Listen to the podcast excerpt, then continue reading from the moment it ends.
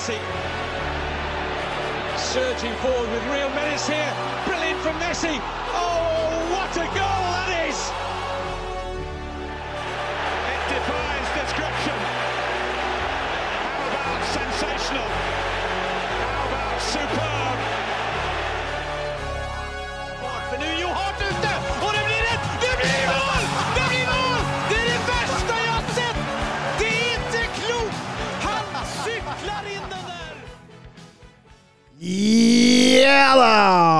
Vi er tilbake fra vinterferie, og det er en glede å ønske velkommen til episode 188 av den korpulente fotballpodkasten 90 minutter. Jeg heter stadig Thomas Edvardsen, og med meg har jeg som vanlig mannen som aldri går av veien for gode postordre. Eh, Oi, nå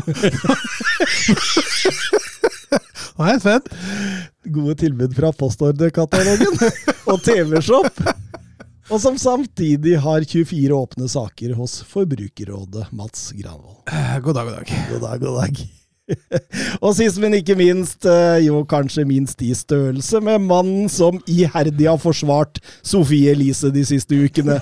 Fordi han mener at det var kun salt hun hadde med seg på byen. Salt som er en naturlig del av nødkittet hans hvis det blir behov for å komme i dekning ned i en bunker eller tilfluktsrom en gang. Søren Døfker. Hallo, hallo. Har du forsvart Sofie Elise? Er det Nei, det har jeg ikke. Jeg har egentlig ikke hatt Jeg vet hva, jeg har faktisk ikke hatt noe mening om det her. Jeg har bare holdt meg langt unna det der. Men var det salt i posen? Nei, det, det tviler jeg på. Jeg så hun var sliten nå, i hvert fall. Ja, ja det, du blir sliten av den type salt. Ja, eh, du gjør det. For, eh, ja. Åssen går det? Det går fint. Nå har det jo vært en uke vinterferie og fotball Nei, nei, nei. Mm. det glir. Du koser deg? Det glir. Ja. Ja, ja, det er ingen, ingenting nytt, liksom. Det er, alt er ved det faste vante. Vi har to ukers pause nå. Ja. Nei, ingen, ingen nyheter å melde om. Gjelleråsen vant i helga, da. Det, det er nytt, det. Etter Hvem- to kamper mot? uten. Asker. Ja, gratulerer. Mm, mm. Ja, men det er bra. Det var sterkt å slå et nedrykka lag. Ja da, for all del. Det var god kamp òg. Vi, vi uh, gjorde det noe av det beste vi har gjort i år, så det var, det var. Kult. Mm, mm. Og du da, Søren? Nei, jeg har det bare bra, jeg. Ikke noe nytt å melde heller. Nei?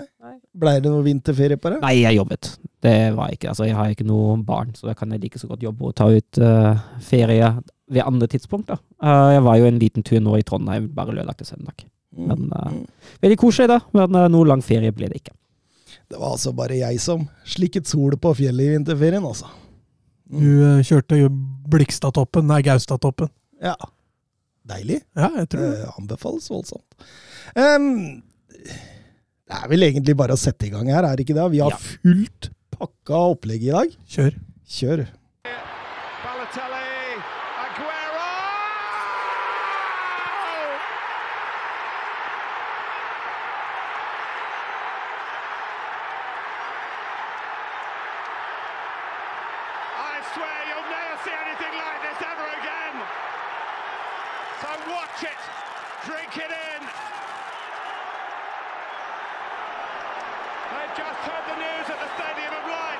Det er eh, Premier League, det er gullkamp, og vi skal eh, først til eh, King Power Stadium, hvor Arsenal var på besøk mot et, ja, mildt sagt varierende Leicester, og eh, hva, hva, hva, hva, trekker vi konklusjoner ut av den kampen? Nei, vi trekker jo konklusjonen at det var en typisk kamp topplag mot lag som kanskje sliter litt. Jeg synes jo Leicester, Leicester har jo ett mål, da. Og det er jo å ligge kompakt og ligge dypt, uh, og, og kanskje sette den avgjørende overgangen. Uh, det første uh, ligger, lykkes de jo noenlunde ålreit med, for Arsenal skaper ikke voldsomt. Når, snakker, når vi snakker kontringsspill, der var det en god del forbedringsrom.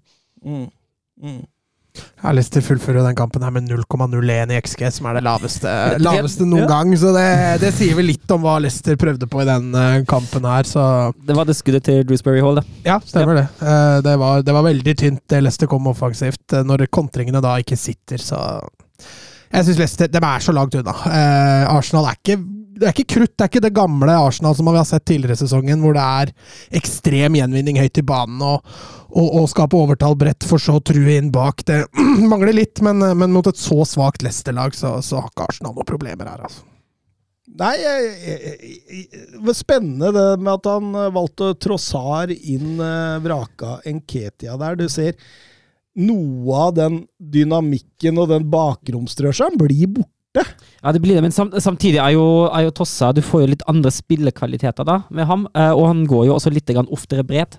Eh, han, tror han truer kanskje litt andre rom enn det Nketia gjør. Ja, jeg tenker I den kampen her så er det jo ok.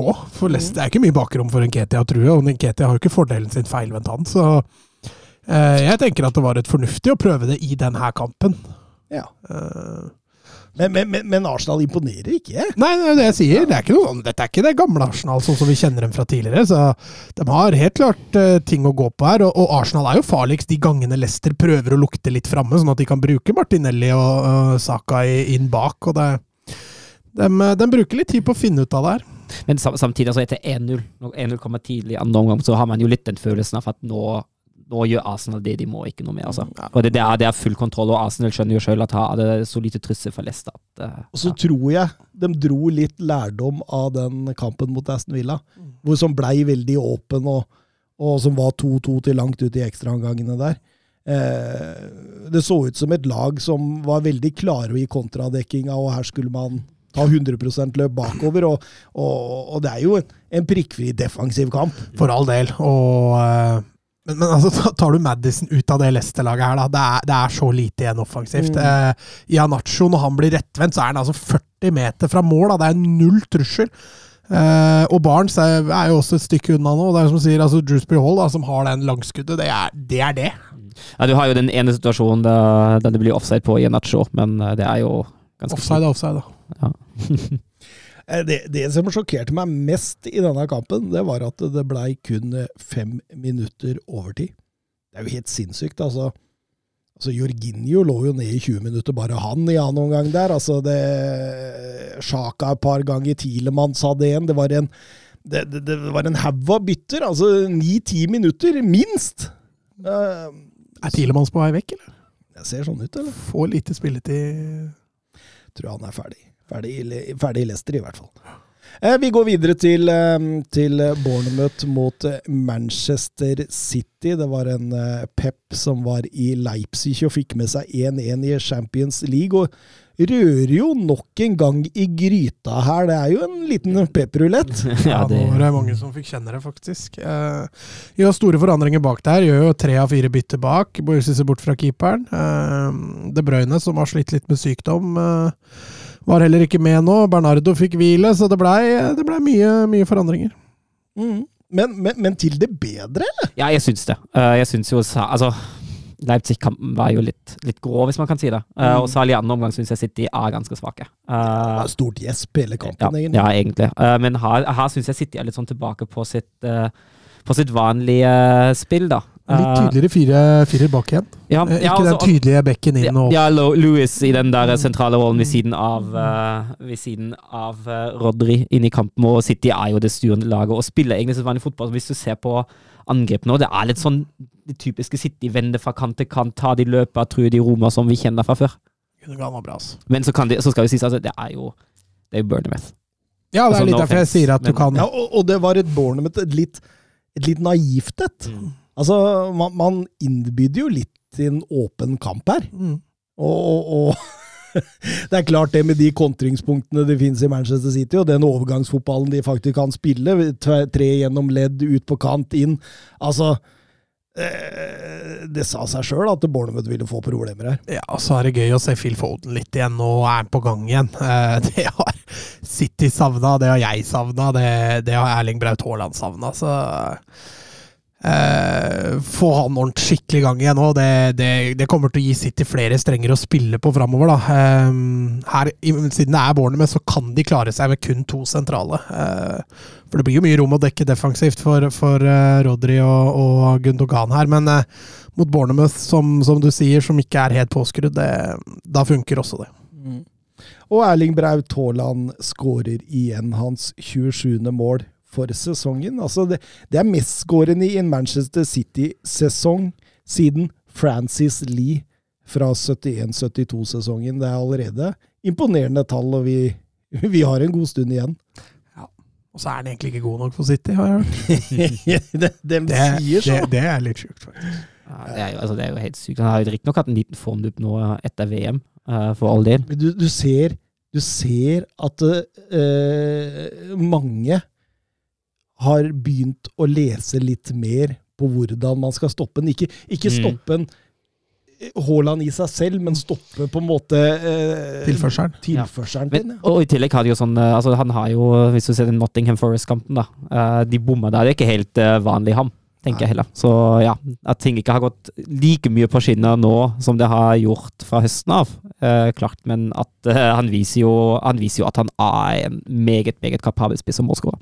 Ja, altså, altså, han har jo en spisskompetanse, så, så tar du fra han den, så, så er han jo litt, så er han jo litt begrensa. Men han er ekstrem da, i boks, og han, han selv om han får formdupper, da, som Søren er innpå. altså, Et par matcher til, og så har han et par hat trick igjen, og så er han i gang igjen. Ja, helt sikkert.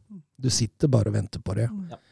Eh, Men eh, 1-4 til eh, Manchester City, full kontroll her. Og Oskar Carveio Holm eh, spør hvordan ser vi styrkeforholdet Manchester City-Arsenal nå, etter de siste kampene?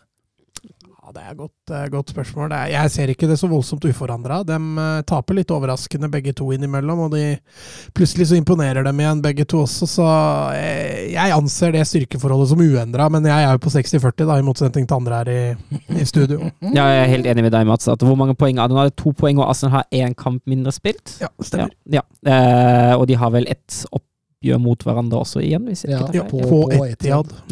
Ja, og da, da er jeg helt enig. Uh, jeg er egentlig helt enig i det du sa, at det er noen overraskende poengtap uh, på begge innimellom. Uh, men jeg mener fortsatt at City er favoritter til å ta det. Mm. Ja, jeg, jeg er uforandra, jeg òg.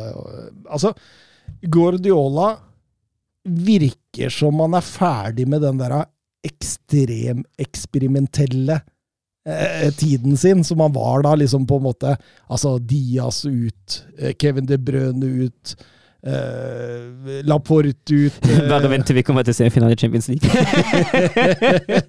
ja, men altså det, det går jo an å ri to hester. ja. Og jeg, jeg, jeg, tror han på en måte har innsett nå at uh, han må eh, Han kan ikke fortsette å kun eksperimentere i Premier League. Det, det går ikke. Du må fortsatt kjøre på det du veit fungerer. Og, og hvis han gjør det, så er det klart. De er, de er i førersetet. Det er ingen tvil om, spør du meg.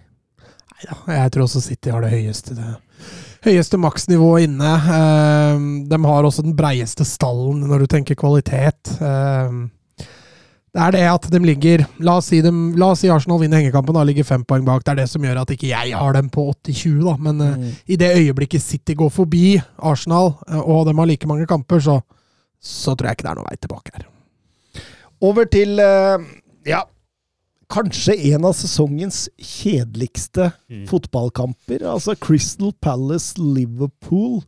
Altså, Liverpool opplevde jo på en måte hele sesongen sin oppsummert i én match mot Real Madrid der. Altså det, fra det helt fantastiske til fullstendig Kollaps. kollektiv kollaps og svikt. Eh, Sellers Park eh, Sjelden walk in the park for noen, det, men uten talismanen eh, Wilfred Saha, så trodde jo jeg at, at dette skulle gå, i hvert fall hvis de fant igjen noe av den Mm. deler av førsteomgangen de hadde mot Real Madrid, men uh, her, dette var flatt batteri. Ja, nå var det veldig tilbake igjen til det verste vi egentlig har sett av Liverpool i, i store perioder. Mangler aggressivitet i toppresset, overgangsspillet Det er klart De fikk ikke mange sjanser til overganger, da, men, men de sjansene de fikk, er veldig halvhjerta. Én og to som går, resten jogger etter. Uh, og, og, og veldig lite gjennombruddssissig. Eh, Palace ligger jo ofte i blokka der, og, og, og- Liverpool er, jo egentlig nesten aldri i nærheten av å true gjennombrudd der. Nei, absolutt ikke. Ja, mange feil i frispillingsfasen. Lavt tempo, lav intensitet. Altså en veldig, veldig rotete kamp. Altså, du, du fikk liksom Altså, Hvis du skulle sette deg ned og analysere denne kampen, så vil man liksom sitte og klø seg i hodet. Hva, hva er det som gikk galt? Og så finner du ut at jo, det er fotballens ABC som går galt her, egentlig i begge, begge lag. Jeg føler jo Palace får det veldig som de vil. da. Eh, De får dratt ned Liverpool veldig, selv om, selv om Palace på ingen måte imponerer dem heller. Så, så er nok de veldig glad for det ene poenget de, de har tatt mot Liverpool nå. Og så, og så er jeg enig med deg, det er mye tekniske feil. altså Bom på medtak, mottak, pasninger som går bak. Eh, bidrar til lite flyt, da. Mm, mm. Soleklar eh, 0-0-kamp. eh, ingen- Salah hadde en i tverrleggeren. Ja, han hadde det. Han hadde det. Det var stort sett da han viste seg fram òg. Ja. Og en Diogo Yota som Han er ikke klar. Nei, det, men det er et feilkjøp. Ja, absolutt. Jeg er helt enig med deg. og, men, og, og, og, de stiller jo med en sentral midtbane med Milner, Henderson og, og, og Keita. Det, det er jo ikke noe topp fire. Nei, det er, det er jo Det er jo Altså Er det topp sju? Nei, det, det vil si at det er middelmådighet i Premier League til deg. Det er det. I hvert fall sånn Henderson også fremstår nå. Ja. Eh, Keita har vel aldri vært helt i nærheten, og Milner han er vel godt over middagshøyden. Signerte ikke han ny kontrakt, da? Ja, Det var helt i starten av sesongen. det. Finn Jørgen Halvorsen, hva må i Liverpool gjøre i sommer? Noe drastisk eh, må skje. Kan Klopp bygge og strukturere Liverpool for andre gang? Ja, vi, vi har snakket litt om det, at den troppen kanskje har holdt seg sammen litt for lenge. da. At uh, vi har sentrale figurer nå som kanskje kan bli, dra litt på åra, kan være litt metta med tanke på de suksessene man har hatt. Det kan gi en blow å, å tape de to viktigste titlene forrige sesong. Uh, og skulle starte et nytt tilløp når man er 30-32, det er ikke alltid at det funker i samme omgivelsene. Uh, den sentrale midtbanen tenker jeg jo er først og fremst noe der man bør sette inn forbedringer, både i topp og bredde.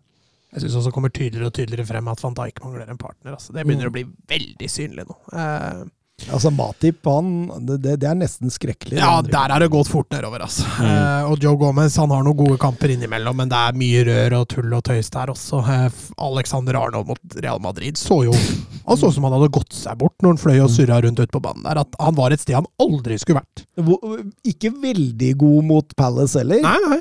Så, Men, det, men han, han også preges jo veldig av at Liverpool er så dårlig offensivt. Ja, ja, absolutt. Det er det. Han, altså, hans på en måte svakheter blir veldig, veldig lite kamuflert, da. Mm. Med, med måten Liverpool opptrer nå på. Altså, jeg, jeg mener vi, her må vi bygge fra nytt. Altså Bli kvitt altså Milner, Keita, Matip, Gomez, Arthur, Oxlade, Chamberlain, Firmino, Henderson, Yota Ja, til og med kanskje Tiago og, og, og Fabinho. For her må man bygge litt fra nytt, altså. Ja, jeg, jeg er helt enig. Altså det, det jeg tenker altså De spillere de har på en måte vist at når de kommer inn i et fungerende system, når laget rundt dem fungerer, og så skal de erstatte altså er Mané ut til én kamp eller Salah ut til én kamp, og så hopper en av de inn, så fungerer det. Eh, men når, når de nå skal skal være viktige backuper uh, i et lag som åpenbart ikke fungerer, da ser man svakhetene ganske tydelig, syns jeg. Ja, jeg er enig med deg, bortsett fra Tiago. Han, han hadde jeg ikke kvitta meg med. Men uh, Ja, han er for mye skada. jo, jo. Det, men, men vi må jo ta høyde Du, for du må kvitte deg med disse skadeproblemene nå. Altså. Det, det er altfor mange av dem i troppen som er skada. Men nå tenker jeg, tenker jeg kvalitet og hva man har bidratt med på banen. Og kvalitet så er Tiago Alcantara en fantastisk fotballspiller, og kanskje en av de bedre man har. Men det hjelper jo ikke det når du spiller tolv kamper i året. Men en Tiago skadefri hadde jeg lett ha beholdt i Liverpool. Eh, også en Salah tror jeg fint kan blomstre igjen, hvis han Ja. får rette folk rundt Ja. seg. Ja. Eh, og så har man jo Luis Diaz kommer tilbake. Núñez tror jeg blir bra til slutt. Så det, Mm. det, det fins jo Ja, Gakpo kan jo Men det har sett flott ut. Har det, altså. Eh, både Gakpo og Luis Diaz, som du nevner. Men altså, de må få inn to-tre nye midtbanespillere, en ny stopper, en ny høyreback, kanskje. Og Diogo Yota, han er så ferdig. Han er så ferdig nå. Det er flatt batteri. Han er ikke i nærheten engang! Neste gang Yota skårer, altså, så er det mål, faktisk. Det, Neste gang Yota skårer, er det mål! Neste gang Yota spiller, er det mål. Eh, Du jinxa den såpass hardt der at det, det er det bare å kjøre på oddsen, faktisk. Men eh, ja, neste gang han scorer, så er det i hvert fall mål. Ja, det er det ingen tvil om. Eh, Vi går heller over til Tottenham-Chelsea.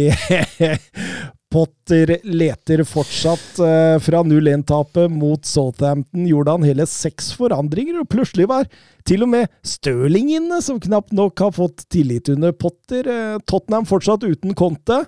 Eh, Stellini har seks av seks poeng fra sidelinja, så det bør ikke bety all verden. Men hvis vi snakka om forrige gang at City har aldri vunnet på Tottenham Hotpur Stadium, og, og i motsetning, Chelsea har aldri tapt der, så det er klart. Det, det, det, det, det var jo spørsmålstegn rundt kampen. Ja, og Chelsea begynner friskt, som de ofte gjør under Potter. Første ti minutter kvarteret syns jeg de, eh, de dominerer ganske mye. Joao Felix briljerer jo i mellomrommet, får veldig mye plass. Eh, Og så går dette kvarteret over, og Tottenham skjønner at ok, her må vi snøre inn litt, så vi spiller litt smalere. Og vips, så var trusselen til Chelsea borte. Eh, og da har Tottenham egentlig full kontroll de neste 70, vil jeg vel nesten påstå. Mm. Eh, noen, noen få unntak. Eh, så Nei, jeg, blir jo bare mer og mer skuffa over det Potter driver med. Altså. Jeg, jeg fatter ikke hva han driver med. Nei, altså, det, det er jo det er Og jeg forsvarer Potter, da. Så at når jeg begynner da, da, da er veien kort nå, faktisk. Men det du, du er helt, jeg er helt enig med deg, Mats. Eh, Førsteomgangen er jo litt sånn Tottenham prøver å møte Chelsea høyt. Tottenham prøver å spille eh, På en måte gå ut og bestemme. Så finner de ut at det går ikke helt, og så trekker de seg tilbake til denne vante 5-4-1, hvor de kan ligge og styre spillet. Eh, styre og kontrollere motstanderen, for så å gå på overganger. Og selv om det ikke blei sånn voldsomt mange overganger, så var det en veldig Og, ikke voldsomt mange eh, målsjanser, så var det en veldig intens eh, Ja, ja. førsteomgang. Ja, eh, kommentatorene var inne på det utallige ganger, at dommeren la seg på en på en litt merkelig linje i en, kall det en risikokamp, da, eh, som det har vist seg de siste sesongene å være. Eh, jeg syns jo sånt er litt artig, for det, det blir litt det blir litt tenning, litt, eh, litt guts, og så er det jo opp til spillerne sjøl å sørge for at tenninga ikke glir over. Det er jo hovedsakelig ikke dommerens ansvar, eh, men han skal beskytte spillere. Og jeg syns han legger seg Ja, han tar en risiko ved å, ved å la det gli litt, men, men jeg syns det er bra at, ikke, at en dommer der som blåste i hjel den kampen. da. Mm. Mm. Eh, Men, eh, men, eh, det blir jo et par situasjoner der. Petter Martin Støvland han spør hvorfor spiller ikke Chelsea annen omgang med ni spillere. Det er jo helt utrolig. Og vi får ta situasjonene. Situasjon én. Mm. Det er eh, Thiago eh, som lefser ut en høyre albue i ansiktet på Christian Romero etter at Romero prøver å dytte den inn i offside der. Var det ansikt? Eh, Eh, det er Ansikt-hals-ish. ish. Han, han ser jo ikke hvor han drar Ja. den, men han Men uh... Nei, eh, men, hånda, men, altså. men den er jo ganske grei. Eh, Det er hensikt, det er ufint, det er usportslig. Merkelig egentlig at VAR ikke For det er jo på grensa til vold. Ja, jeg er helt enig, og jeg har sett flere spillere bli utvist for deg. Også Ja. etter VAR-studium, så jeg mener at dette er klink rødt. Ja. Ja, Hadde dommeren sett det, så regner jeg også med han har fått rødt. Altså, vi har en i Madrilenio Ja, Derby nå som er, er svakere enn den. det, det der var betraktelig mindre rødt enn eh, det der, ja. det ble jo klink rødt. eh, Så Nei, jeg syns den, den er litt rar, at ikke, at ikke VAR går inn og korrektur, korrekturer. ja. Fordi VAR skal jo også hjelpe seg. Når dommeren ikke ser det, skal jo VAR også si at hei, her var det noe. Situasjon nummer to.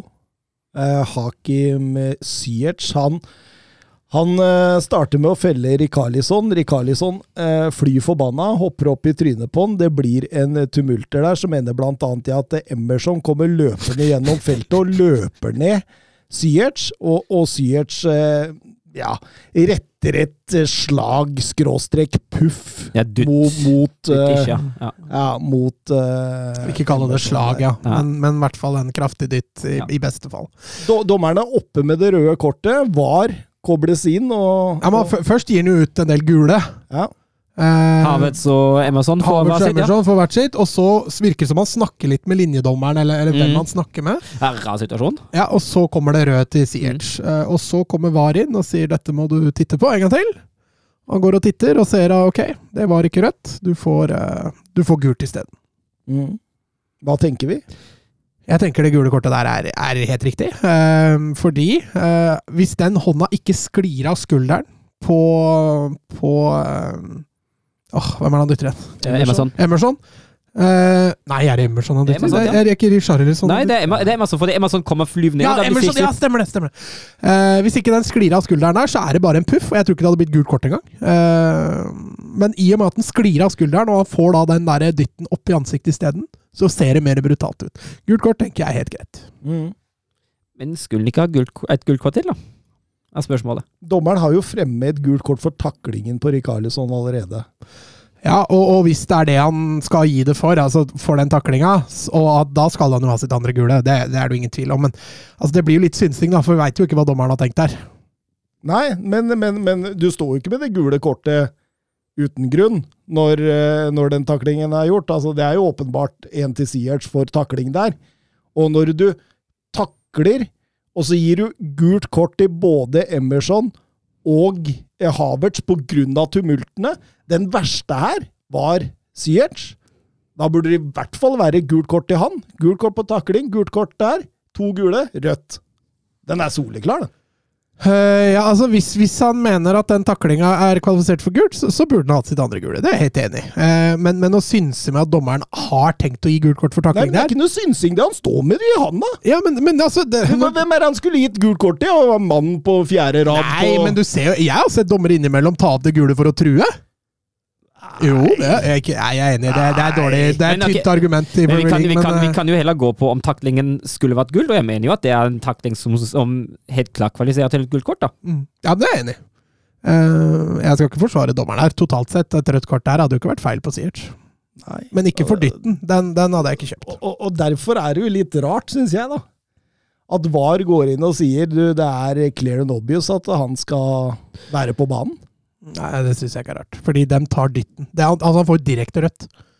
De må jo gå inn Så, og så, så VAR kan ikke se på en helhet.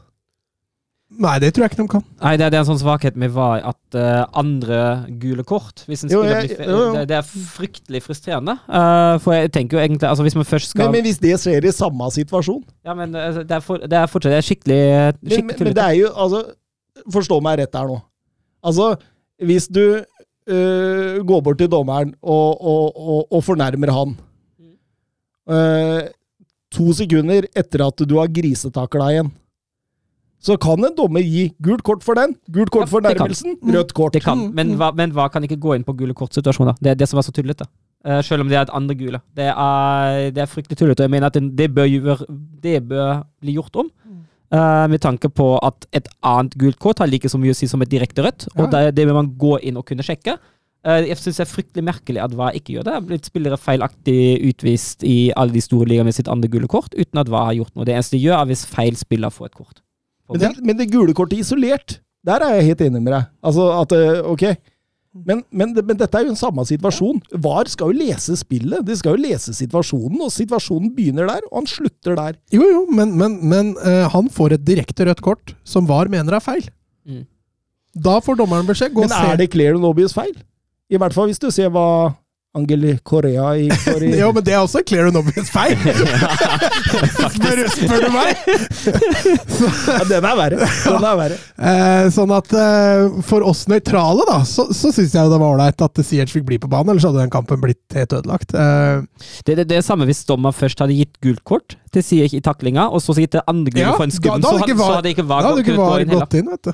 Men, men kanskje det var en blessing in disguise for Tottenham. Fordi hvis Tottenham uh, møter Chelsea med ni eller ti spillere, så ville de jo ikke fått de roma som de Mm. fikk. Mm. Som gjorde at Tottenham til slutt vinner her. Først etter mål etter skip, og så Kane. Ja, Skipskåring var jo nydelig. Uh, herlig hvordan han gjenvinner mot uh, Joe Felix og bare banker han kontant i mål. Uh, helt fantastisk. Og så Det som jeg syns er litt skremmende, da, er den, at det uteblir en reaksjon fra Chelsea. Det kommer ingen verdens ting. Nei, selv etter bytt nå. Nei, eh, ingenting. Det er, det er den samme traurige mølja i hele kampen. Ja, for et av de første gode 15 som Mats er inne på. Eh, det, det, går, det går fryktelig treigt framover. Det sånn, det, er sånn- det, det er, man, man, man møter en forsvarslinje som man blir helt satt ut av. Man finner ingen vei forbi i det hele tatt. Det er ingen god bevegelse. Balltempoet er fryktelig lavt. Det spilles ikke direkte der. Det er ingenting. Men det er her jeg mener Potter gjør en kjempetabbe som manager nå. Fordi det, skal du bygge relasjoner med å gjøre seks forandringer i kamper hver kamp du spiller, så kommer det til å ta kjempelang tid. Og så god tid har ikke han. Så det vil da si at hvis han skal lykkes i Chelsea nå, så må han sette en elver. Og den må han bruke. Den må han stå inne for. Eh, det at han gjør så mange bytter, det gjør at eh, alle i rundt og i den klubben blir usikre. Det blir mye Potter eh, i spørsmålsrunden her, men ta ferdig 2-0 til Kane, da. Vi, om denne 20, vi snakker jo til stadighet om denne 20 pluss-angriperen, den alle lag egentlig behøver.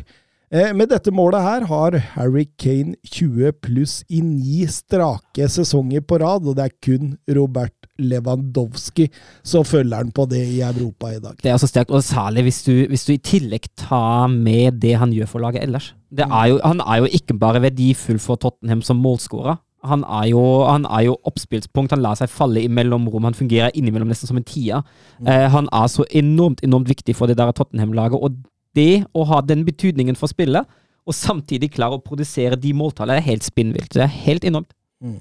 En leder utpå der også er nede i, i forsvaret og header ut. og han er, han er over hele banen en fantastisk eh, fotballspiller. Blir bare nesten bedre og bedre også i sånn allround eh, eh. Men eh, alt i alt, full kontroll Tottenham Mm. utover her. Chelsea ser ut som de kunne spilt til påske uten å ha skåret mål her. Altså, seks Premier League-mål på de siste tolv kampene. Har dere sett i da, den der morsomme Twitter-videoen uh, om å kåre Chelseas mål of the month, eller goal of the month for februar? er det ett mål, Det er ett et mål. Det var Joe Felix mot, uh, mot Westham. Mm.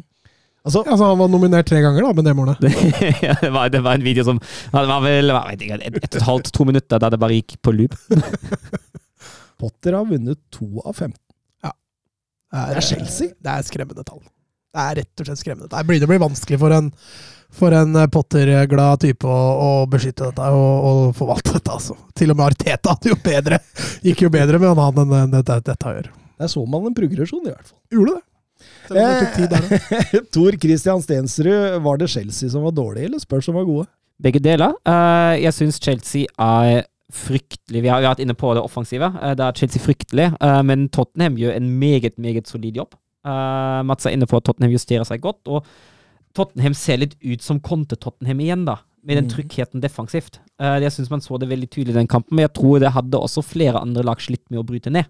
Eh, det at uh, Chelsea er dårlig, resulterer jo at jobben for Tottenham blir tilsvarende enklere. Men jeg skal ikke ta for Tottenham noe som helst, for den kampen som de gjennomfører her, særlig defensivt, syns jeg er veldig sterk. Ja, og det er enig med deg. Jeg, slakta, jeg slakta ikke, da, men jeg skre, sa vel at det var mer City som var dårlig enn Tottenham som var gode når Tottenham slo City sist. Nå føler jeg det er litt omvendt. Eh, her føler jeg at Tottenham kontrollerer i langt større grad, og de, de greier å justere det underveis. da. Aggressivitetsnivået er høyere. Eh, de greier også i tidevis å etablere offensivt. Eh, selv om Chelsea til slutt ender opp med å ha ballen mest, så, så, så er liksom det, det er planlagt allikevel, så Måten de kommer ut fra Ja. annen gang på der, er jo strålende. Ja, ja.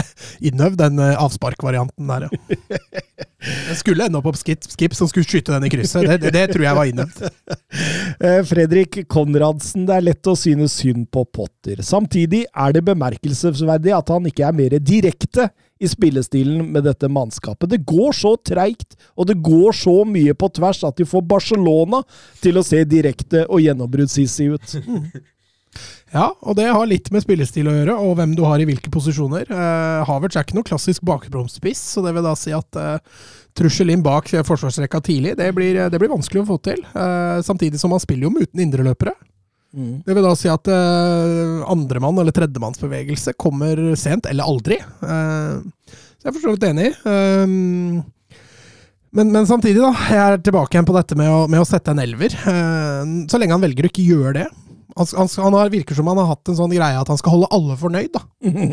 det, det blir vanskelig med en tropp på 40 mann. Ja, det gjør jo det. Ja. Og så skal du da rullere fire, fem, seks spillere til hver match. Mot et lag som er halvparten nytt og halvparten gammelt. Det kommer jo kommer Og, til å ta tid. og så er det sånne rare ting! Badiashil har vært strålende. Plutselig er han ute av Ja, ja. Eh, så kommer eh, Stirling inn, som knapt nok har eh, hatt noe tillit. Eh, har knapt sittet på benken, plutselig skal han inn og redde poeng! Ja, ja, Syert som var på vei til Altså, han var jo på flyet til Paris Paris. Saint-Germain. Han får plutselig mer tillit etter det Mm. enn før! Altså, det er, det er så mye rart! Veldig. Nei, jeg, jeg også stusser veldig på prioriteringen han gjør. Eh, jeg syns det er veldig merkelig. Og, og, og, og be bekymringsverdig. Jeg har vært Chelsea-supporter nå. Jeg, jeg, hadde, jeg hadde begynt å bli bekymra. Selv om jeg er pro Potter, så, så ser ikke dette bra ut. Altså. Nei, Han ser ut til å famle noe voldsomt. Han gjør det. Jørgen Nystuen, eh, hvor lenge kan Boiley holde på Potter? Det finnes jo ikke progresjon. Eh, blir nesten bare verre og verre. Jeg hadde ingenting å stille opp med mot eh, Tottenham, og dette er Jørgen Nystuen, som vi veit er en svoren Chelsea-supporter. Så det er åpenbart at det sprer seg i, Ja. i supporterkretser også. Ja, og hvor lenge han kan holde Nei, altså hvis Potter skal drive og surre sånn som han gjør nå, så er det jo bare å kvitte seg med det så fort som mulig. Eh, han må få han må, Det må gå opp et lys snart. Eh, progresjon må det jo være. Eh, Veit det er mye nye spillere, og, og jeg har mana til tid, og det, det, mener jeg fortsatt han bør få. Men eh, så lenge han styrer laget som han gjør nå, så ser jeg ikke at dette skal gå bra. Nei, og jo, du, du, har jo sagt det, ordet, det magiske ordet flere ganger, her, progresjon. Eh, det er litt sånn, altså Man kan jo leve med altså Man møter et annet topplag, det, det er jo greit nok, det. Man kan jo leve og, og tape så lenge, eller det, det hadde jo kanskje gått litt bedre om prestasjonen i hvert fall hadde vært noe å skryte av. Uh, men så lenge det, man ser ikke noe framskritt i det hele, så blir det vanskelig, altså. Eh, når Og, det, og, og det blir nesten bare verre, Ja. sier ja, han har jo rett. Jeg syns jo det. Jeg syns jo det. Altså, jeg syns Chelsea er lenger unna nå enn de var for uh, noen måneder siden. Altså, det er litt rart. altså Plutselig glimter altså, Dortmund-matchen var jo Det var- brukbar. Ja, det var jo det. tenker man ok, nå, nå Men nå, da håper jeg å stille med dette laget i neste kamp igjen. Nei da! Da gjør vi masse forandringer igjen. Noe som faktisk ser ut til å funke, noe du kan bygge videre på. Det er sånne ting da, som gjør at du blir i tvil på at dette er riktig, riktig form å gå videre med. Og, og, og hvis de fyrer Potter nå, så har de jo sjanse til å ta en Roberto Di Matteo, altså gå videre i Champions League og, og, og vinne den. Hvis de venter nå, Er Di Matteo ledig på markedet?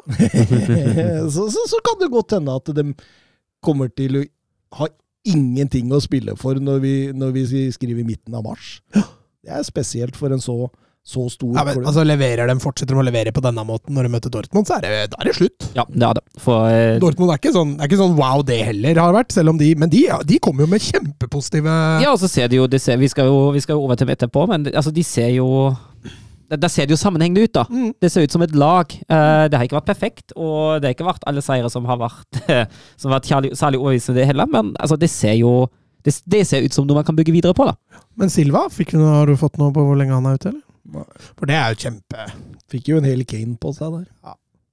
Det er en kjempeskår i, i akillesen, altså, for hvis han ryker. Fordi Badia Skyld er jo ikke registrert for Champions League. Uff a meg. Eh, så er det klart, da. Man kan skape et narrativ om at det bare er å kjøpe de 10-12 beste talentene i verden og, og skape et uslåelig vinnerlag over natta, men så enkelt er det heldigvis ikke. det tar jo tid. uh, og jeg har også hele tida sagt at uh, Potter bør få tid i likhet med Mats, men det, det, det er vanskelig det, det, det, Det blir vanskelig å forsvare. det er jeg helt enig Jeg er helt enig at det er det. Sliter sjøl, for jeg, jeg liker egentlig Potter, jeg. Men, men Kim Jansen, han drar det litt eh, videre her. Hvem tror panelet tar over etter Potter? da? Det samme spør Glenn Lund Pedersen om. I, i, hvis Potter ryker Fordi eh, det er, det, er, det er jo ikke bare å komme inn og snu dette her heller. Nei, altså, det- hvem skulle gjort det? Jeg vet ikke, Det lukter jo veldig, hvis den skulle ryke nå, lukter det jo veldig vikarmanager å finne noe nytt etter sesongen. Nei, jeg tenker jo, altså, Det ligger jo veldig til rette for Pochettino. Det. Eh, Det går rykter om at han har sagt nei allerede. Ok. At det men, men, men hvor disse ryktene har sin opprinnelse fra, det veit jeg det hadde, det hadde jeg ikke funnet meg, fordi han har jo blankt nekta å gå til FC Barcelona også pga. rivaliteten med Spania. Ja, det var ikke aktuelt. det, var, det er ikke aktuelt for ham. og altså, jeg, jeg kan jo se for meg at han kan tenke seg å overta et annet Premier League-lag som Liverpool og United, men en byrival til Tottenham, det kan fort hende at det blir Vi husker jo kampen i 2016 og sånt. Det var jo ikke godt blod mellom Pochettino og Chelsea da. Nei da, det var jo da rivaliseringa virkelig blomstra opp òg, husker jeg. Den kampen var jo ellevill. Eh, men eh, altså, det er, jo, det er jo ikke noe sånn Tottenham-Chelsea er vel i- utgangspunktet ikke et hatoppgjør. Det er ikke Barcelona Barcelona, liksom. men, men det føles jo nesten som føler kanskje det har blitt sånn nå. mer enn Arsenal, egentlig. Altså, Arsenal-kampene har gått litt pyntelig for seg i det siste, men, men, eh, men Chelsea-kampene, der er det fanken meg fyr fra første. Altså, vi husker jo oppgjøret på Stamford Bridge òg, med Konto og Tuchel der som Ikke vil gi slipp på hverandre der, da. Ja, ja, Tuchel er vel ledig? Tuchel er Han driter i om det er en rival, vet du. Jeg, jeg har sett rykter da, eh, på at Zidane og Louis eh, Enrique kan være muligheter. Jeg,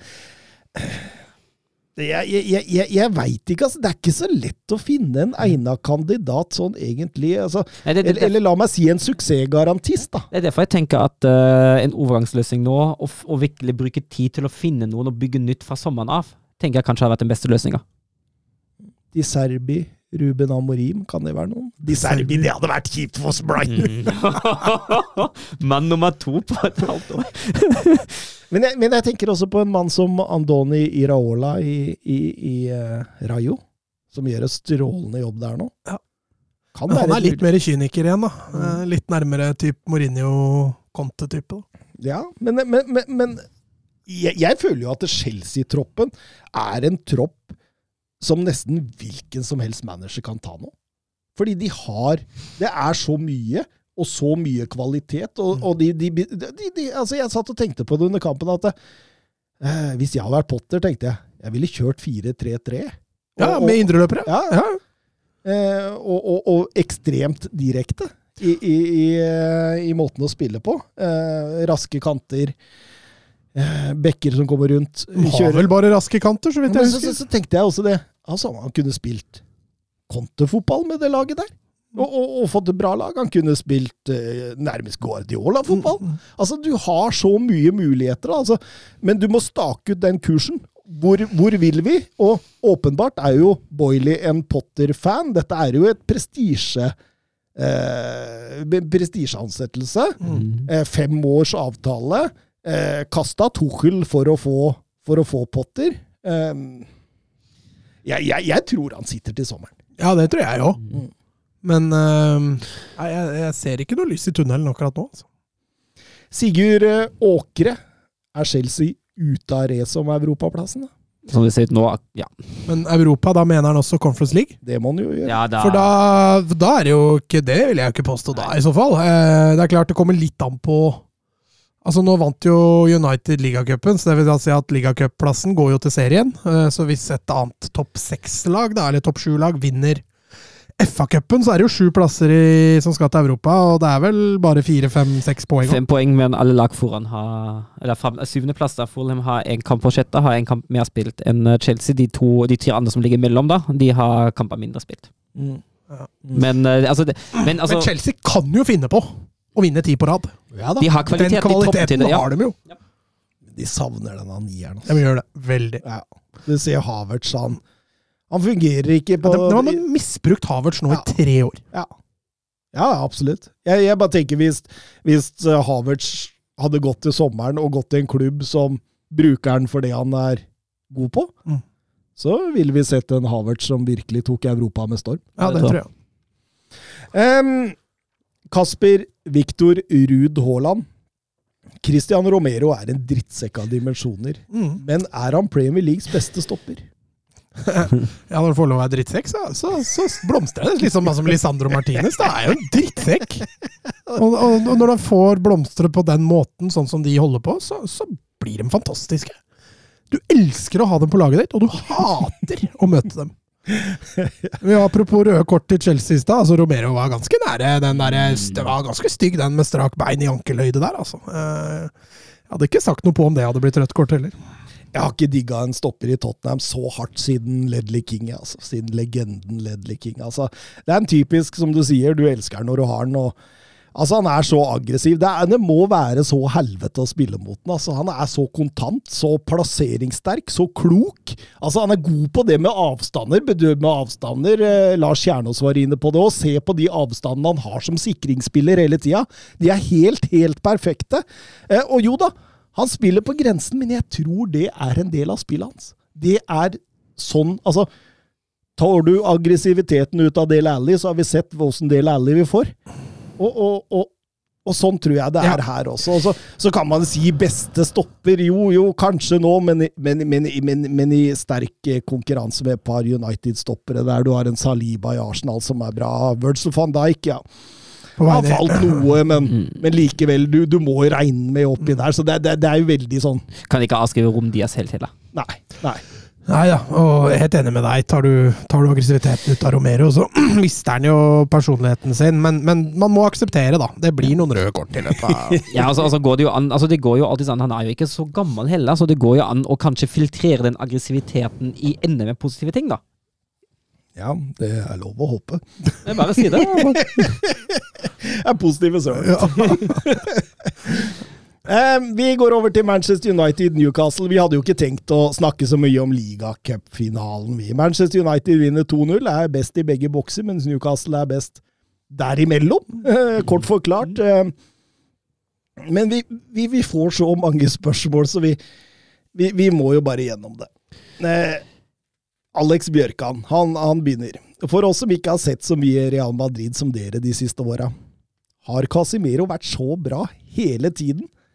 Eh, eller har han aldri vært så god før? Jeg syns jo han, han, har vært det. Vi har jo hatt en konstant i vår topp tre, topp fem uh, spillere i verden i sin posisjon. Uh, så jeg synes og Vi snakket jo om at hvis, hvis United får en påskudd Casemiro, så har de gjort et monsterkjøp uh, med ham. så ja, jeg syns jo absolutt at, at, han har vært så god som han har, som er i United nå. Og han manifesterer sin plass som topp tre sentrale defensive midtbanespillere i verden også. Han gjør det har vel levert i verdenstoppen nå mer eller mindre siden han kom tilbake fra det låneoppholdet i Porto.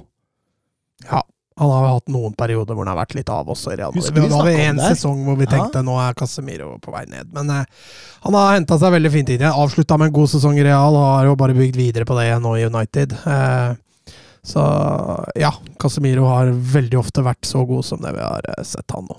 Mm. Men det kommer kanskje tydeligere fram. For nå spiller han for et lag som virkelig har trengt det.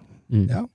ja. absolutt. Uh, var ute her uh, nå i et intervju også og sa at uh, det fysiske i Premier League var så hardt at han kunne ikke tenke seg det engang når han, når han var Real Madrid-spiller. Mm. Og det er åpenbart at det tærer på å, spille i den ligaen der. Um, Ole Haaland um, han spør om United med denne ligacuptittelen er tilbake som et seriøst eh, topplag i Premier League. Og, og, og, og, Real Brady Hangeland han lurer også på hva som er forskjellen på tidligere managere post Ferguson og, og Ten. Jeg syns jo, altså kan, Jeg kan ta det første først, etter min mening. da. Uh, det er at Jeg syns den ligacupen kan heller ses som et lett i veien. Uh, Ligacupen alene, uh, og så særlig når man uh, no offense ser hvilke lag som United har møtt på veien. Uh, Charlton, Burnley, Nottingham Forest og hva vel Esten Villa. det, det, er nå ikke de topplagene de har hevda seg mot. Uh, likevel veldig sterkt å ta det trofeet. Gikk de hele veien uten å møte et annet topp seks-lag? Jeg tror det. Jeg tror det. Unntatt Newcastle nå, da. Men, ja. Det, ja. ja, men de regner jeg ikke som topp seks. Nei da, men de er jo det akkurat nå. Top 6. Men ja, nei, men uh, hvis jeg ikke har sett feil, så har de det. Men uh, med tanke på den utviklinga som nå har vært i United, syns jo at uh, den ligacupen på en måte viser for alvor at United er tilbake å regne med. Det passer på en måte veldig veldig godt inn i den utviklingen som har vært nå. Mm. Um, når det kommer til, til forskjell altså jeg synes jo, Det begynner jo med overgangsvinduet. At Ten Har faktisk observerer svakpunktene i den troppen og gjør noe med dem. Det er det ikke mange managere som har gjort før ham. Nei, vi har jo skriket om de hullene han har fylla i, i et par-tre år nå. Eh, så har han vært ekstremt god til å formidle og utforme en klar plan, en, et, en klar håndskrift til det United-laget. Det er en gjenkjennelig stil, det er en, det er en, god stil. Han har satt spillerne i posisjoner de er best. Han har ikke vært redd for å ta ut spillere som kanskje har en høy standing, uh, med tanke på navnene de har, med tanke på kapteinspinnet de kanskje har. Eh, og tatt de ut. Eh, han har tatt de riktige avgjørelsene. Han, eh, han, har fått tilbake spillere som Marcus Rashford, som også Aaron Van Bissaka, og ført de tilbake til en ny høyde. Uh, og jeg, jeg syns, syns, dette har ser meget bra ut. Haaland lurer også på hva vi syns om dansen til Ten Hag. ja, det var flaut. jeg syns, jeg, syns, jeg, jeg, jeg, syns det er litt kult, jeg. Han gjorde jo det samme, husker jeg, med Antony og Lisandro Martinez i Ajax. Ja. Så det er jo åpenbart noe de har dratt, ja. dratt videre. Det. Men jeg, syns det er kult. Altså, det, er jo, det, er jo, kanskje det trofeet som, som er minst viktig. Uh, for toppklubber uh, som du kan vinne i løpet av et år. Men samtidig ekstremt viktig for ja. en manager som Ten Hag. Ja, ja altså, altså, tenker jeg, altså, det viser jo altså, det, Den gleden der, altså, det, den er jo ekte. Og jeg, jeg digger det at det er, er ekte glede over å ha vunnet et trofé. Jeg syns det, synes det er knallbra. Ja, det er første tittel siden 2017. Ja. Mourinho Europa League. Var eh, Roy Keane som sa at Ten Hag måtte gå rett etter pga. den dansen? Var det, var det derfor han sa det? Jeg veit ikke. For Roy Keane sa jo at Ten Hag måtte gå. Ja, ja, det, det kan ha vært for den dansen, for det var ikke voldsomt. Nei, altså, det var det jeg kritiserte. Altså, det var lite løs takt og tone der som det jeg, tror jeg kunne gjort. Altså. Jørn Henland, eh, hvilke posisjoner tror dere Ten Hag ønsker å forsterke, og hvilke spillere tror dere faktisk kommer inn døra på Old Trafford i sommer? Jeg tror det kommer toppkjøp på spissplassen. Ja, Det er ikke bare å tro, vel? Nei, det, det må jo det. Det må, det må jo være et toppkjøp på spissplassen til. Um, vi har vel fått et annet spørsmål om spisstype òg, har vi ikke? Jo da, men jeg tenker jo det er, det er jo Nå må ikke du oppføre deg som er programleder, Søren. Nå må du sitte i den stolen der. Det, det, det står sånn eh, Pound it, står det på den stolen der. Ikke, ikke, ikke, ikke programleder. Fordi Altså, jeg, jeg, jeg, tror det er to posisjoner han kommer til å se primært på. Og det er eh, den sentrale midten, altså en type Frenkie de Jong-type spiller ved siden av Casemiro. Litt sånn indreløpertype. Ja, ikke sant. En toveis. Mm. Det vil han ha inn. Eh, og så vil han ha inn den nieren. Eh, soleklart. Det det, det er primærposisjonene, og så er det noen sekundære, sånn som Jeg tror han vil se seg etter en keeper som er bedre med beina. Jeg tror han vil, eh, vil kunne eh, høy- sove bedre med en høyrebekk som har et sluttprodukt offensivt. Bredde på venstrebekken. Ja, ja, bredde på venstrebekken. Litt sånne, men eh, hvilke type spillere? Altså, jeg, jeg tror han har vært strålende fornøyd for eksempel med Dusan Vlaovic som spiss. Mm. En så stor, sterk Ja, for jeg føler at det er liksom den typen, den typen de trenger. Uh, for jeg føler at den, den der uh, tekniske og kjappe, den typen altså, altså, Selv om det ikke er han som spiss, men den har de i troppen. Mm. Uh, de har jo en Marcus Rashford, de har jo, de har jo en, en Elanga. Eh, de har andre spillere som kan bekle den rollen der. Ja. Eh, så jeg tenker at det er liksom den spisstypen. Litt sånn en Verhos-type, bare i bedre. Ja, absolutt. absolutt. Eh, Og, det viser han jo med når han henter Haller til, til Ajax og sånt, at han, han, han er ikke den der som skal ha den lille bakromspissen. Han vil ha den eh, som tar litt plass og åpner rom i, i boks, og da tror jeg f.eks. en Dusan Blaovic vil være strålende. Men, men som Søren var inne på her når han prøvde seg som programleder, Magnus Fjell, han ønsker argumenter for og imot på Kane, Mbappe og Oshimen som spiss for United neste sesong. Hvem passer best, og hvorfor? Trenger ikke ta hensyn til om de ønsker å komme, eventuelt pris osv. Nei, jeg tenker jo, jeg tenker jo det er Kane som passer best av de tre. Eh, rett og slett pga. de argumentene du har vært inne på. Eh, Kane er en spillende spiss. Kane er en sterk spiss. Eh, Kane er litt sånn spillertypen som United ikke har i troppen fra før. I tillegg er Kane, i likhet med Vord Verhost, også veldig god i pressfasen. Veldig arbeidsom. Litt sånn, litt sånn Han er jo litt sånn Verhost i bedre, da. Det er jo akkurat den, eh, den typen som jeg føler passer inn der. Men hvis vi hadde dratt med Vlaovic inn i dette var Hvem var siste igjen? eh, Simen? Mbappe og Simen. Mbappe var det. Hvis vi hadde dratt inn Vlaovic her, da? Altså, Mbappe er jo, ser jeg ikke på som en rein nier. Nei, det- det, de, De har jo Mbappe i Rashford, så han ryker der. Ja, det tenker jeg. Og Simen altså, For meg så tenker jeg altså, Kane er jo like glad i å operere i en tierrolle. Altså, han, han faller ofte dypt. da. Eh, Oshimen han fyller jo både boks, fyller jo den boksen for å være god i boks, og så fyller han også det at han også kan brukes godt i bakrom. Han er også en god presspiller. Jeg mener Oshimen vil være et vel så godt kjøp, pluss at han tror jeg, selv om han har lengre kontrakttid, så tror jeg han blir billigere enn Kane, faktisk. Eh, men ja, Vlaovic også vil jo være nærmere Oshimen igjen. Da. Eh, Kanskje litt uten den ekstremferdigheten i boks. Men- for meg så, så blinker Vlaovic seg som Mm.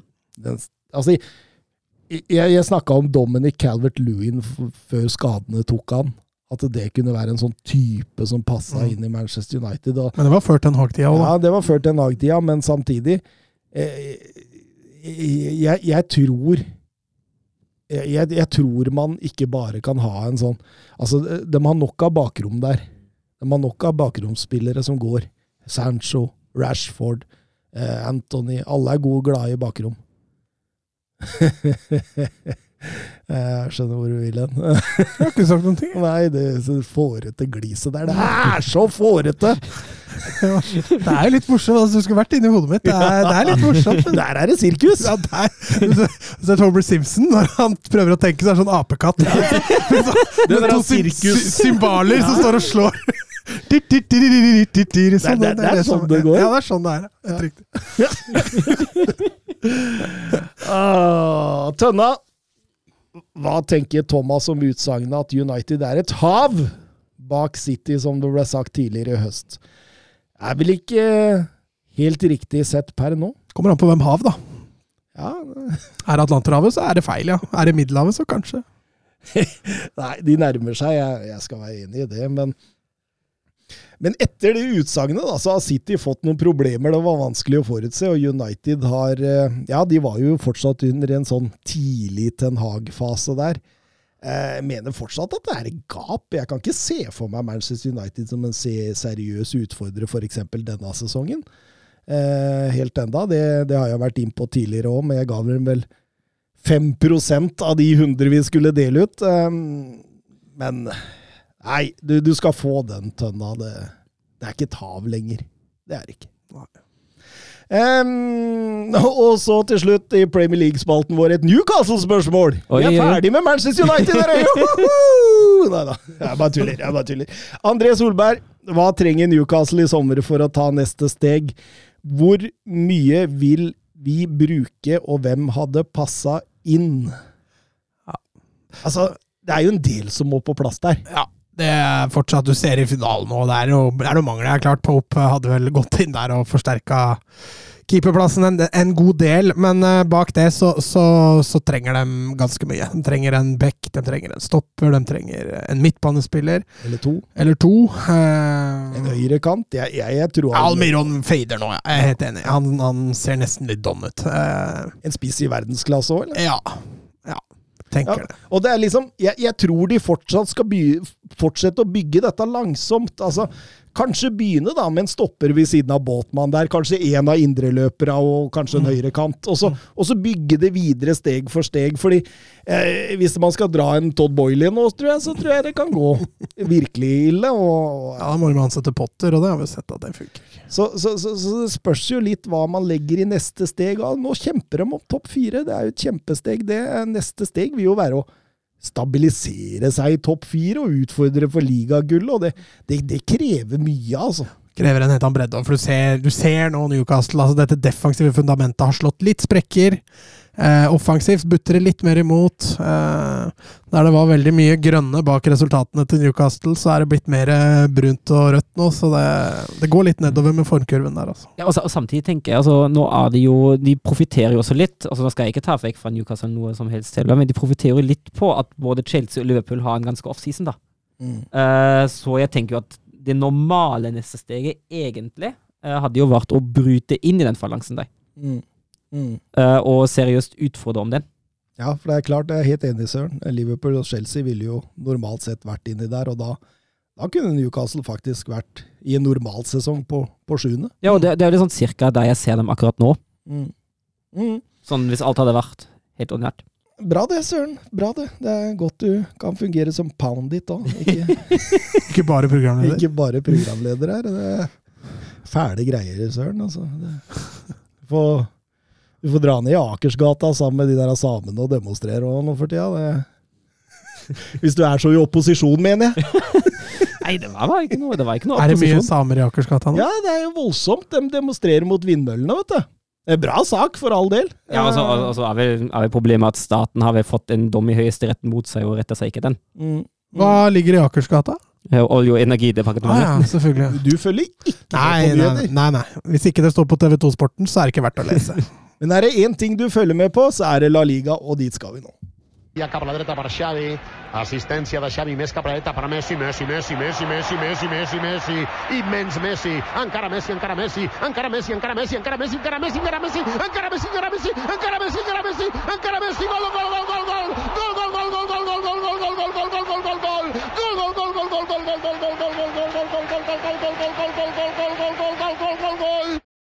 Vi begynner med Derby El Madrileño. Vi begynner med Diego Simione og hans kamp nummer 425 i La Liga som boss for Atletico. Ingen i La Liga har flere kamper som manager for ett lag. Passerte rekordholder Miguel Munoz eh, for Real Madrid der, altså. Han har 611 totalt, utligner dermed Luis eh, Aragones som manager med flest kamper som manager for Atletico Madrid i historien, og har vesentlig bedre tall. Altså, jeg så litt på de tallene der. Jeg, jeg tror han bare taper hvert sjette kamp, altså. Mm. Det er, altså Og det- vi, og vi, vi, glemmer det litt! Ja, men altså, han har jo hatt Altså, vi Ja. Jeg tror, eh, jeg tror tapa var ofte, sjeldnere før. Jeg tror de Mm. tapa kommer oftere og oftere nå, så det går gærne veien. på ja det, er, det er jo noe med det at uh, fortida har vært enorm. Vi har vel uh, to ligaguller, er det ikke to? Uh, um, eh, og så er det jo klart at det var jo det var jo en periode der, der Atletico tapte veldig veldig sjelden. Men uh, utviklinga nå, de siste jeg syns en og en halv sesongene nå, de har ikke vært så overbevisende.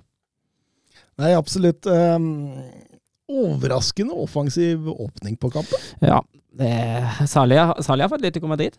Jeg syns de kommer godt ut. Real Madrid tar litt sånn den kan vi nesten si vanlige slowe starten som de har blitt litt kjent for nå. altså. Mm. Eh, men Atletico kom jo, kom jo godt ut, og jeg syns også står veldig godt etter. Veldig uvanlig å se Atletico Madrid i gegenpressing.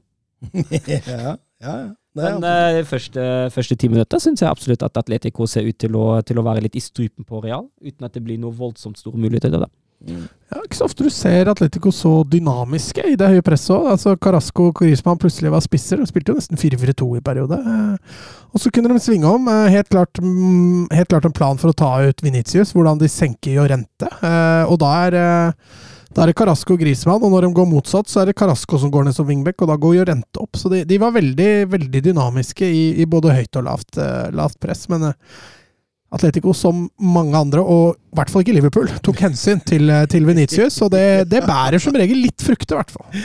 Atletico hadde en plan A, B og C på Venitius, og, og, og, og ja, jeg syns de gjør den anonym, altså. Ja. Jeg syns de er gode. Ehm, jeg syns det er litt Diego Simione masterclass eh, når det gjelder den første omgangen. Først og fremst. Andre omgangen òg, for så vidt. Men eh,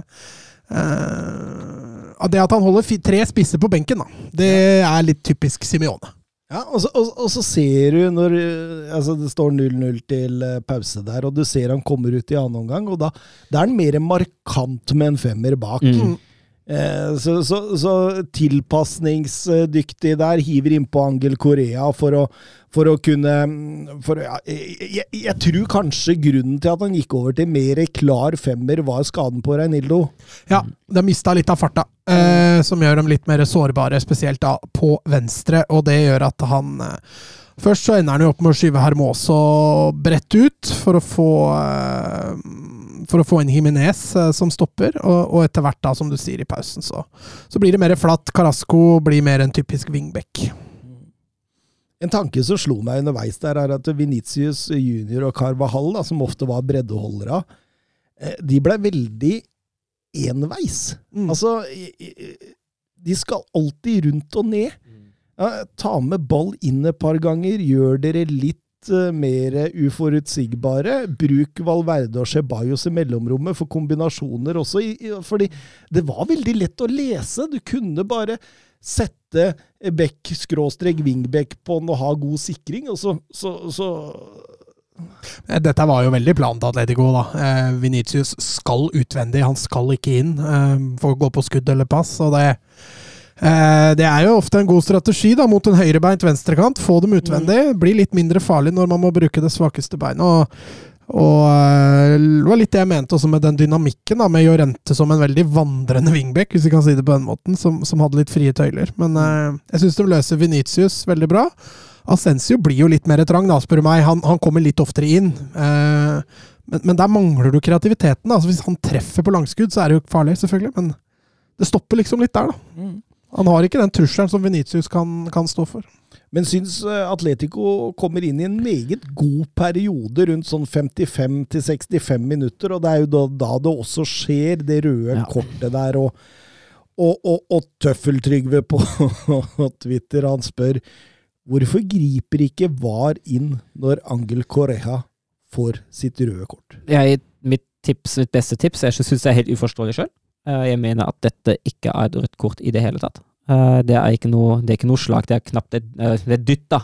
Med, tilfeldigvis med albuen, og så bare Rudiger seg om noen hadde, hadde knivstukket ham i magen. Men uh, altså det, det, det jeg tipper, da, at hva ser at Oi, her var det en bevegelse, og det er ikke clear and obvious.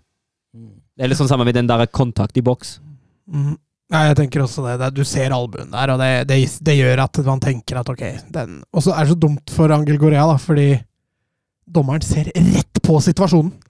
Han ser hva som skjer, da, og den albuen er jo veldig tydelig sånn Men eh, ja, jeg sliter også med å skjønne at ikke VAR kan gå inn og si at den, den må du se på en gang til. Den er for soft eh, til at det bør straffes så hardt.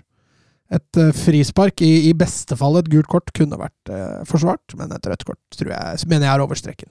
Og, Og så Antonio Rudiger, da. Altså, vi, vi, vi, vi, vi, har, vi har ja, snakka apropos assholes. Ja, ja, vi har snakka om Romero, vi har snakka om Lisandro Martinez. Her er en eh, til, altså. Ja. Ja.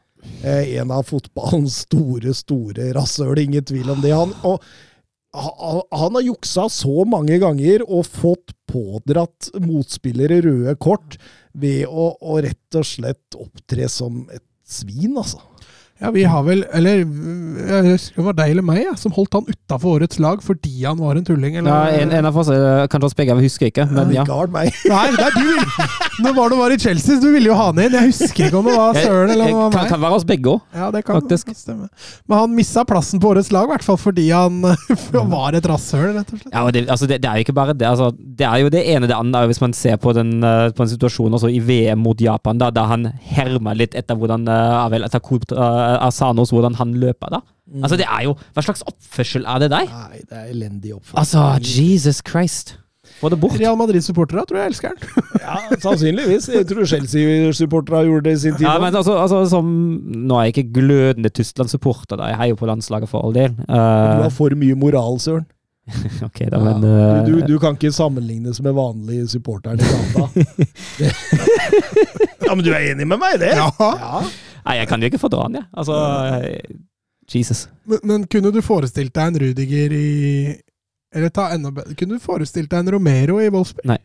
jeg, har, jeg har slitt med sånne spillere som jeg ikke kan fordra. Ja, men da er han jo ditt rasshøl! Ja, nei, men fortsatt. Eh, Det er, det er litt sånn et moralsk nivå som jeg ikke har lyst til å ha, egentlig. Eh, Det er som at, jeg husker da Tommy Høiland eh, ble signert av LSK, at jeg slet voldsomt med det. For Tommy Høiland var sånn, sånn spiller som jeg ikke kunne fordra. Og så var han plutselig i laget som heier på. Og det, er sånn, det, er sånn, det er så utrolig vanskelig å forholde seg til det. At du har en spiller som du virkelig, virkelig, virkelig misliker, og så kommer han til din klubb. Det er sånn, åh. Jeg elsker det. Jeg elsker det. Jeg hørte du ble litt irritert på Rudiger nå, da, men Ja, jo, jo men, ja, men, men at han er min. Ja, ja. Det er det jeg mener. ja. Altså, Rudiger er blitt linka til Tottenham nå til sommeren. Mhm. Eh, hadde gjerne tatt den! Tenk deg Rudiger der, da. Vi med Romero. Romero. Mangler bare Martinez i midten her, da, så hadde det vært eh, Ja, eller, eller Ramos eller PP, da. PP er over. Ja, jeg- Ramos er over høyden også. Ja, ja. Det må bli Martinez. Men over til kampen, da, gutter. Eh, Det er jo likevel med ti mann eh, Atletico Madrid som eh, skossetter 0-1. Ja, og det måtte jo nesten komme til en dødball når man var redusert. Eh, det var jo Det lå litt sånn Altså, etter at de blir redusert, jeg er helt enig med deg at de hadde en god periode, men det blir jo tungt uh, å spille med ti mann. Jeg syns fortsatt det er positivt, det, noen av de kombinasjonene, særlig som Carasco og Grismann har. Eh, de står jo veldig, veldig, for veldig, veldig mye av den offensive beholdningen som Atletico har i den kampen, og det ser jo Det er gode tendenser også når de er en mindre, men at skåringa da kommer etter en dødball, det er ikke noe overraskende. Men eh, Real Madrid skulle redde poenget, Mats. Ja, den fikk jo dødball, da. Selvfølgelig litt mot eh, Ikke mot spillets gang, på ingen måte. Real Madrid trykka bra på, på slutten her, og så får de en corner. Og så er det egenproduserte Alvaro, da, som har gjort det strålende på Castilla i år. og Angelotti uttalte jo etter matchen at han skulle prate litt med Raúl om fremdriften til denne spilleren, for han, eh, han spås en stor framtid, og timinga i det opphoppet der det, Benzema skygger bare banen der, og det er klasseskåring, faktisk, for en unggutt 18 år. Var litt deilig òg, sånn egentlig, fordi han kom ikke helt opp i landsmann Jimenez der på, Mm. på E01. Eh, tror nok sjøl han tenkte han kunne gjort en bedre jobb der, og så, så klarer han i hvert fall å, å, å utligne det. Da. Så det, det, det, var flott. Den yngste målskåreren i eh, Madrid Derby på 2000-tallet. En rekord eh, en ung Gonzalo Higuin hadde fra før av. Ja. Higuain, vet du. Ah. Det, er- det er Nutella-sticks. Det er Nutella-sticks, den. Helt glemt det greiene der. Eh, Ebber ut med 1-1 sterkt eh, av Atletico. Det er ingen tvil om det, og nisselue på. Han eh, skriver her Imponerende at TV 2 klarer å kreditere Chebayos eh, formstigning til Ødegård. Den har Jeg så den kampen uten lyd. Ja, Så- Jeg har heller ikke fått det med meg.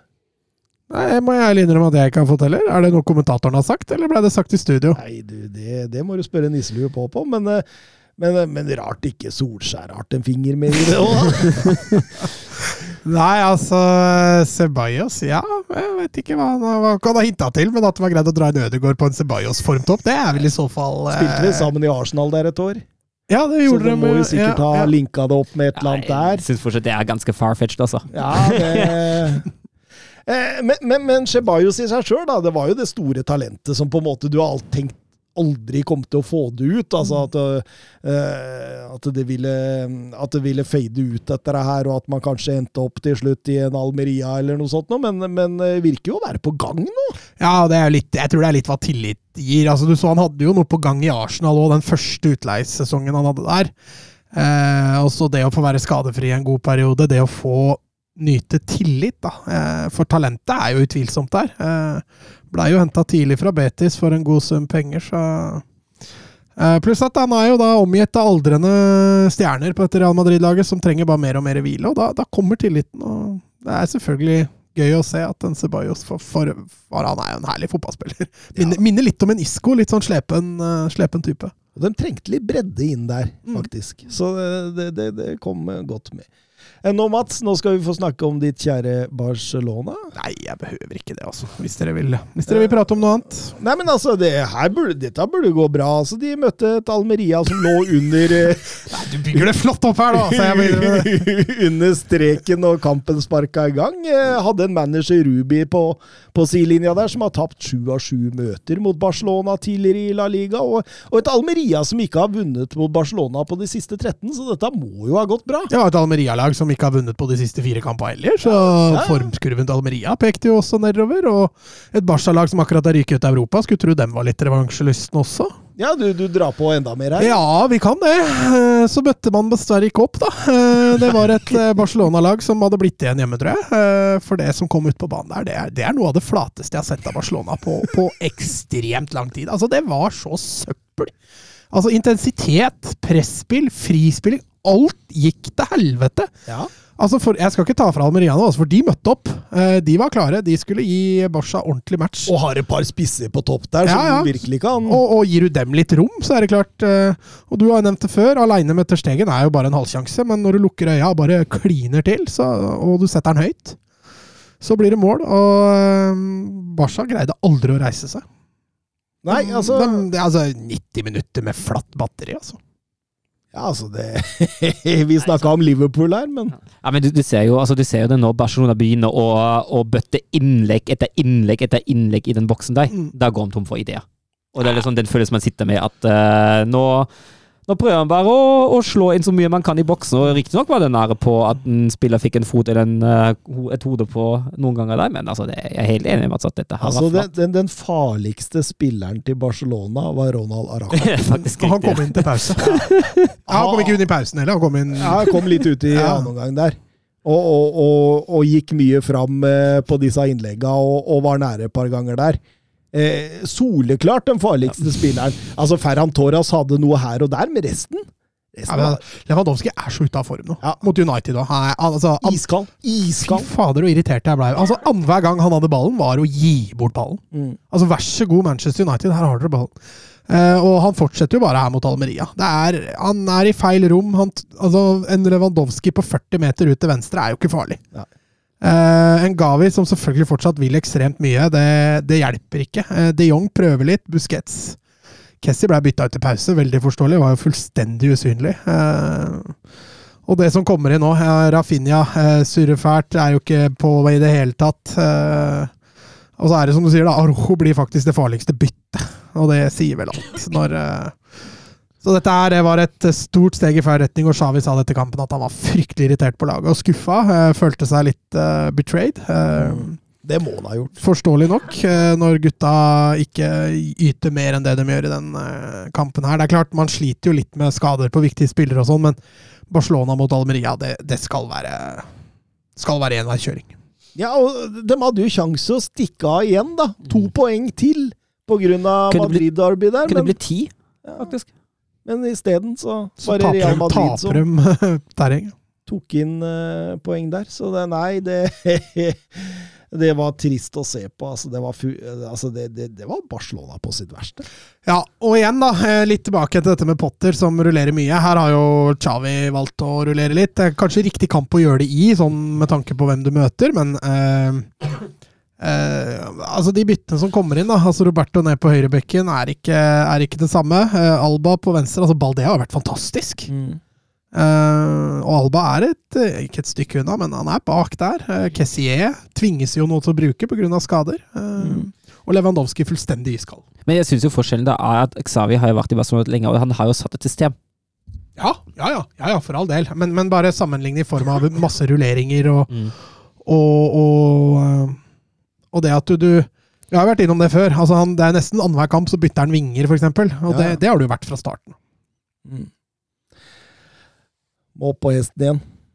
De må det. De må det. Eh, Sevilla Osasona. Eh, Sampaioli fra de grilldresskonge til Ja, hva var det for noe vi så der? Julenisse på rockerne eller et eller annet sånt? Det var helt vill kostyme han kom med der, men men eh, forsiktig ut fra start, og Osasuna kommer ut i 100, egentlig. Og, og, og, og ja, på mange måter kjøre over Sevilla fra start. Ja, og Sevilla sliter litt nå. Altså, vi, jeg skrøt litt av dem. De gikk ut i 100 mot uh, Elche hjemme. De gikk ut i 100 mot Mallorca hjemme. Fikk godt betalt. PSV høvla dem over i første omgang eh, hjemme. Og så har jeg gått litt på tverke nå. Eh, Fikk en sein, sein tap mot Rayo borte sist. Holdt på å ryke mot PSV Mm. etter seine skåringer der. Og så kommer denne Osasona-kampen som Ja, du er enig med deg. De går veldig forsiktig ut. Det blir en traurig førsteomgang, hvis jeg kan si det på den måten. Eh, Osasona de vil mest. Eh, David Garcia sender dem i ledelsen ganske tidlig der. Eh, og Osasona får også en annullert scoring der rett etterpå. Ja, det, var ikke, det var ikke mye. Ja, den Ja. var marginal, ja. Eh, Så, så det kunne sett langt verre ut. Eh, Andre gang begynner litt trådig, men jeg syns Sevilla sveiver i gang litt sånn sakte, men sikkert der. Eh, Og man begynner jo å føle at ok, nå, nå kanskje det snur. Mm. Ja, ja, helt klart. Det er bedre offensivt i annen omgang der. Den ligger under 0-1. Noe måtte jo skje også. Blei blei tvunget til å gjøre noe. Heiv inn både Akonia og Suso der. Eh, bruker Goodale mer aktivt. Eh, fungerer nesten som en sånn hybrid mellom stopper og defensiv midt der, i hvert fall i oppspillsfasen. Og, og etter hvert kommer Ocampos inn også. og Åpenbart han spiller ut korta sine her. Han skal eh, ta igjen dette. og og, og, og, og tar jo på en måte igjen ledelsen til Osasona to ganger, men blir felt av juniorfeil hver eneste gang. Men Vil dere høre noe morsomt om eh, Godel, som setter 1-1? Han har, han har nå tre skåringer denne sesongen. Eh, de tre skåringene han har til sammen, har en samla XG på 0,04. Bare langskudd. Altså, han har jo et enormt langskudd. Altså, han sjøl står med en XG på 1,41 sett på hele sesongen, for han, han er faktisk ikke like klinisk i boks. Men når han får ballen i de posisjonene, det er helt sykt, altså. Ja, den ballen flakker og keeperen her blir jo helt satt ut av spill. Ballen går jo faktisk midt i mål, men keeperen tar jo to, to steg til sida der, og da er den jo helt satt ut. Den, den er jo vanskelig for keeperen. Ja, ja, jeg sier ikke at det er noen keepertabbe, jeg bare sier at den er vanskelig. Men, er- men er den, er innom en Osasona-spiller der? Nei, det så jeg ikke. Ja, så nesten sånn ut, altså. At det er derfor han Hvis ikke satt så har han en vanvittig skru. Men, men uansett, da, poenget mitt her er at så skårer Godel 1 igjen. Og, og, og så er det komistund ut Ja, av en altså. annen eh, verden der, Det- når eh, Bono Ja. bosser hull i lufta, og den ramler på huet til Fernando. Fernando, som, som ufrivillig setter ballen eget mål. Og så gjør jo Josef Enesiri noe fantastisk! Går rett på. Ja, det er det beste jeg har sett deg ja. noen gang, faktisk. Nydelig finte. Legger den i lengste. 2-2. Nå har vi det igjen. Og så er det fullstendig hjerneblødning Ja, baki der igjen. Det er jo helt. Altså, det er jo 3-2-målet. Det er jo langt utspill fra keeper, så stusses den videre, og så får Esa Zawi eh, gå alene én med én Bono. Og det skal jo ikke skje. Det er jo helt sykt. Det er, det er feil spiller som tar duellen. Ja, ja, ja, når bekken skal fram der og gå i duell når du har mannen bak deg. Det er jo helt fullstendig hjerneblødning. Jeg stusser igjennom der, og som Søren er inne på, Sassoli kald som en fisk når han kommer aleine med, med Bono der. Kan nevne redninga til Bono i første gang òg, da. Når han først tabba seg ut der. For Ja. den redninga var ellevill, ass. Ja, jeg er helt enig. Helt enig. Ja, den var bra. Men likevel. Det, Ja da. Ja, han gjør ikke opp for seg med den redninga, det er jeg helt enig. i. Eh, Fernando han krydder jo en helsvart dag med å få rødt Ja. kort fra, fra sidelinja der. på altså, vi har knapt nok fullført en match i år uten rødt kort, så det Atletico. Ja, Atletico. Fredrik Stjerna han spør er Sevilla sin egen største fiende. Hvor trykker skoen? Altså, skoen trykker jo så voldsomt defensivt. Ja, det er plattfot. Den Ja. trykker over hele foten. Ja, absolutt. Det er, det er, det er hjerneblødning. Det, det er, altså jeg veit ikke om det er Sampajoli som er fullstendig ræva til å sette sammen det defensive, eller om det rett og slett ikke er gode nok spillere. Men det skal sies, de er bedre enn dette. Det vi ser her, det er altså Vi snakker Nyanso, ja ok, han er dårlig. Fernando er, er egentlig en midtbanespiller. Det samme er Godell. Eh, De har hatt en Salas oppe der inne der. De, Ja, det. Ja, men, men, men, men det er jo ikke så dårlig. Altså, det er dårlig, men ikke så dårlig. Altså, dette her er mil. Altså, det, det, det er bare et år sia Condé og, og Diego Carlos herja baki der med Julen Lopetegi som på sidelinja. Dette har vi snakka om før. Eh, Sevilla solgte seg nesten til nedrykkskamp når hun kvitta seg med de to. Eh, kvitta seg, kvitta seg med blir kanskje feil, feil måte å ordlegge seg på, men eh, Lagt dem ut på film. ja. Eh, og det er jo ingen tvil om at det defensive fundamentet til Sevilla Du så jo det når de eh, feide over Elche, når de feide over Mallorca. Veldig trygge defensivt. PSV òg, for den saks skyld, hjemme. Og så borte mot Barcelona virka det plutselig litt mer ustødig. Borte mot PSV virka det veldig shaky på slutten, og så følger de opp igjen med den, eh, med den matchen her. Eh, nei, jeg er helt enig med deg. De må få på plass et fundament bak der som, som de kan stole på. Man kan skape sjanser på Sevilla på absolutt alle måter. Ja, du bør ikke være i boksen engang. Det ordner du sjøl. Ja, ja. Dødballer rundt på kant, selvmål og overganger mot etablert i Sevillas egen frispilling. Ja, der. I Sevillas egen frispilling, det er nesten stor sjanse til motstanderen. altså, det er helt, eh, det er helt makeløst å se på. Altså. Jeg, jeg trodde de var på vei oppover igjen, ja, men dem, altså, det er bare tre, to poeng over eh, nedrykk, altså. Ja, ja, ja. Nå vant jo nesten alle laga bak dem òg, så det, det blei litt sketsjere den eh, runden her for dem. Ja. Eh, Betis, eh, ja, det var på besøk i Elche, og det var en fotballkamp som hadde alt, Mats. ja, og Elche gikk jo ut i 100 der og, og skåret på straff og fikk tidlig 2-0-ledelse der, og så skulle Kommer til pause og tenker ja, nå, dette, dette drar vi. Og så får de to røde kort etter ti minutter i andre. Det er jo er så urutinert. Et par straffespark Ja der. altså. da, og to straffespark for Betis der, og, og Miranda setter, setter siste. Da er det håpløst. Betis snur altså. Fem minutter på overtid, så er det 3-2 til Betis. Litt utgjort. Ja. Eh, Valencia derimot tok en råsterk seier under sin nye manager eh, Ruben Baraja. Ja, de, eh, de tapte jo sin første kamp, da, under Baraja borte mot Getafe. Det som var en såkalt eh, sekspoengskamp. Eh, Før de da altså får besøk av eh, Champions League-jagende Sociedad hjemme. Og de kriger altså Sociedad eh, i senk i den kampen der. Eh, Sociedad antageligvis det beste laget, men det er sånne seire Valencia trenger nå. Det er dette de, de må få til for å, for å berke blassen, for er, alt handler om det nå. Vi nevnte vel i forrige episode at ansetter en Baraja, så, så blir det nedrykk. Så vi, vi får se. Vi får se. Men eh, Nå skal det sies at Sociedad har begynt å vise svakheter, de òg. Ja, Det er denne vårformen Ja. deres, da. Dette er tredje sesong på rad, hvis de rakner nå, da. Det må vi jo holde et lite abur med. Men én seier på de siste fem nå, det, det lover ikke godt. Og via Real Getafe, den starter vel omtrent nå? Vi har Real i fryktelig form. Getafe eh, litt på bedringens vei, så det skulle, skal bli spennende å se åssen det går. Getafe som falt ned, nest nederst igjen etter at Valencia vant, så de, de har alt å spille om, de. Mm. Da går vi over til det gråse Bundesliga, altså. Ja, ser godt. Er macht ein richtig gutes Spiel. Jan Schimonek. Die Wolfsburger lassen so gut wie nichts zu. Grafit. Grafit gegen Lell. Jetzt wird's eine Demütigung. Guckt euch das an. Bist du verrückt? Bist du verrückt? Tor des Jahres. Die Bayern der Lächerlichkeit preisgegeben. Eh, vi, eh, vi, begynner, vi, vi begynner faktisk med ditt kjære Wolfsburg, som var i, var, som var i. Køln, eh, Søren. Eh, Ja, i svak form eh, nå i det siste. Eh, hvis man tar med cupkamp mot, mot Union, hadde fire tap på de siste fem, og et, et eh, veldig, veldig trist 0-0 eh, borte mot Schalke i tillegg. Så det var duket for, for at man måtte snu det her, og det gjør man jo. Eh, Kovac var inne på det før kampen, at eh, sjansen for seier i Köln, de er gode om man skårer et tidlig mål, og om man deretter jobber konsen- konsentrert og godt defensivt. Og det er jo akkurat det vi får servert. Eh, første angrep som Wolfsburg har, går inn. Jannik Gerhardt mot uh, gamleklubben, veldig begunstiget av en keepertabbe av Svebe. Ja, Der bruker han lang tid ned. Ja, ja, ja det, den skal han ha. Og så etter det sitter jo Wolfsburg og sitter trygt.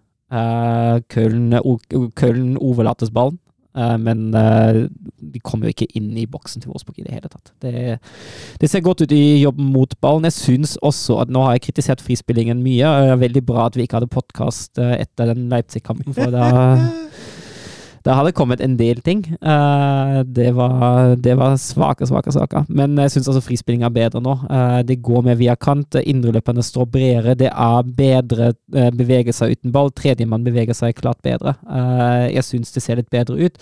Eh, nå spiller Wolfsburg med veldig liten risiko i den kampen. Der. Eh, begunstiget av at man leder 1-0. Eh, man tar ikke mer sjanser enn nødvendig, eh, og kommer dermed sjelden til muligheter. Um, så det blir jo en, eh, for en nøytral tilskuer en ganske kjedelig kamp.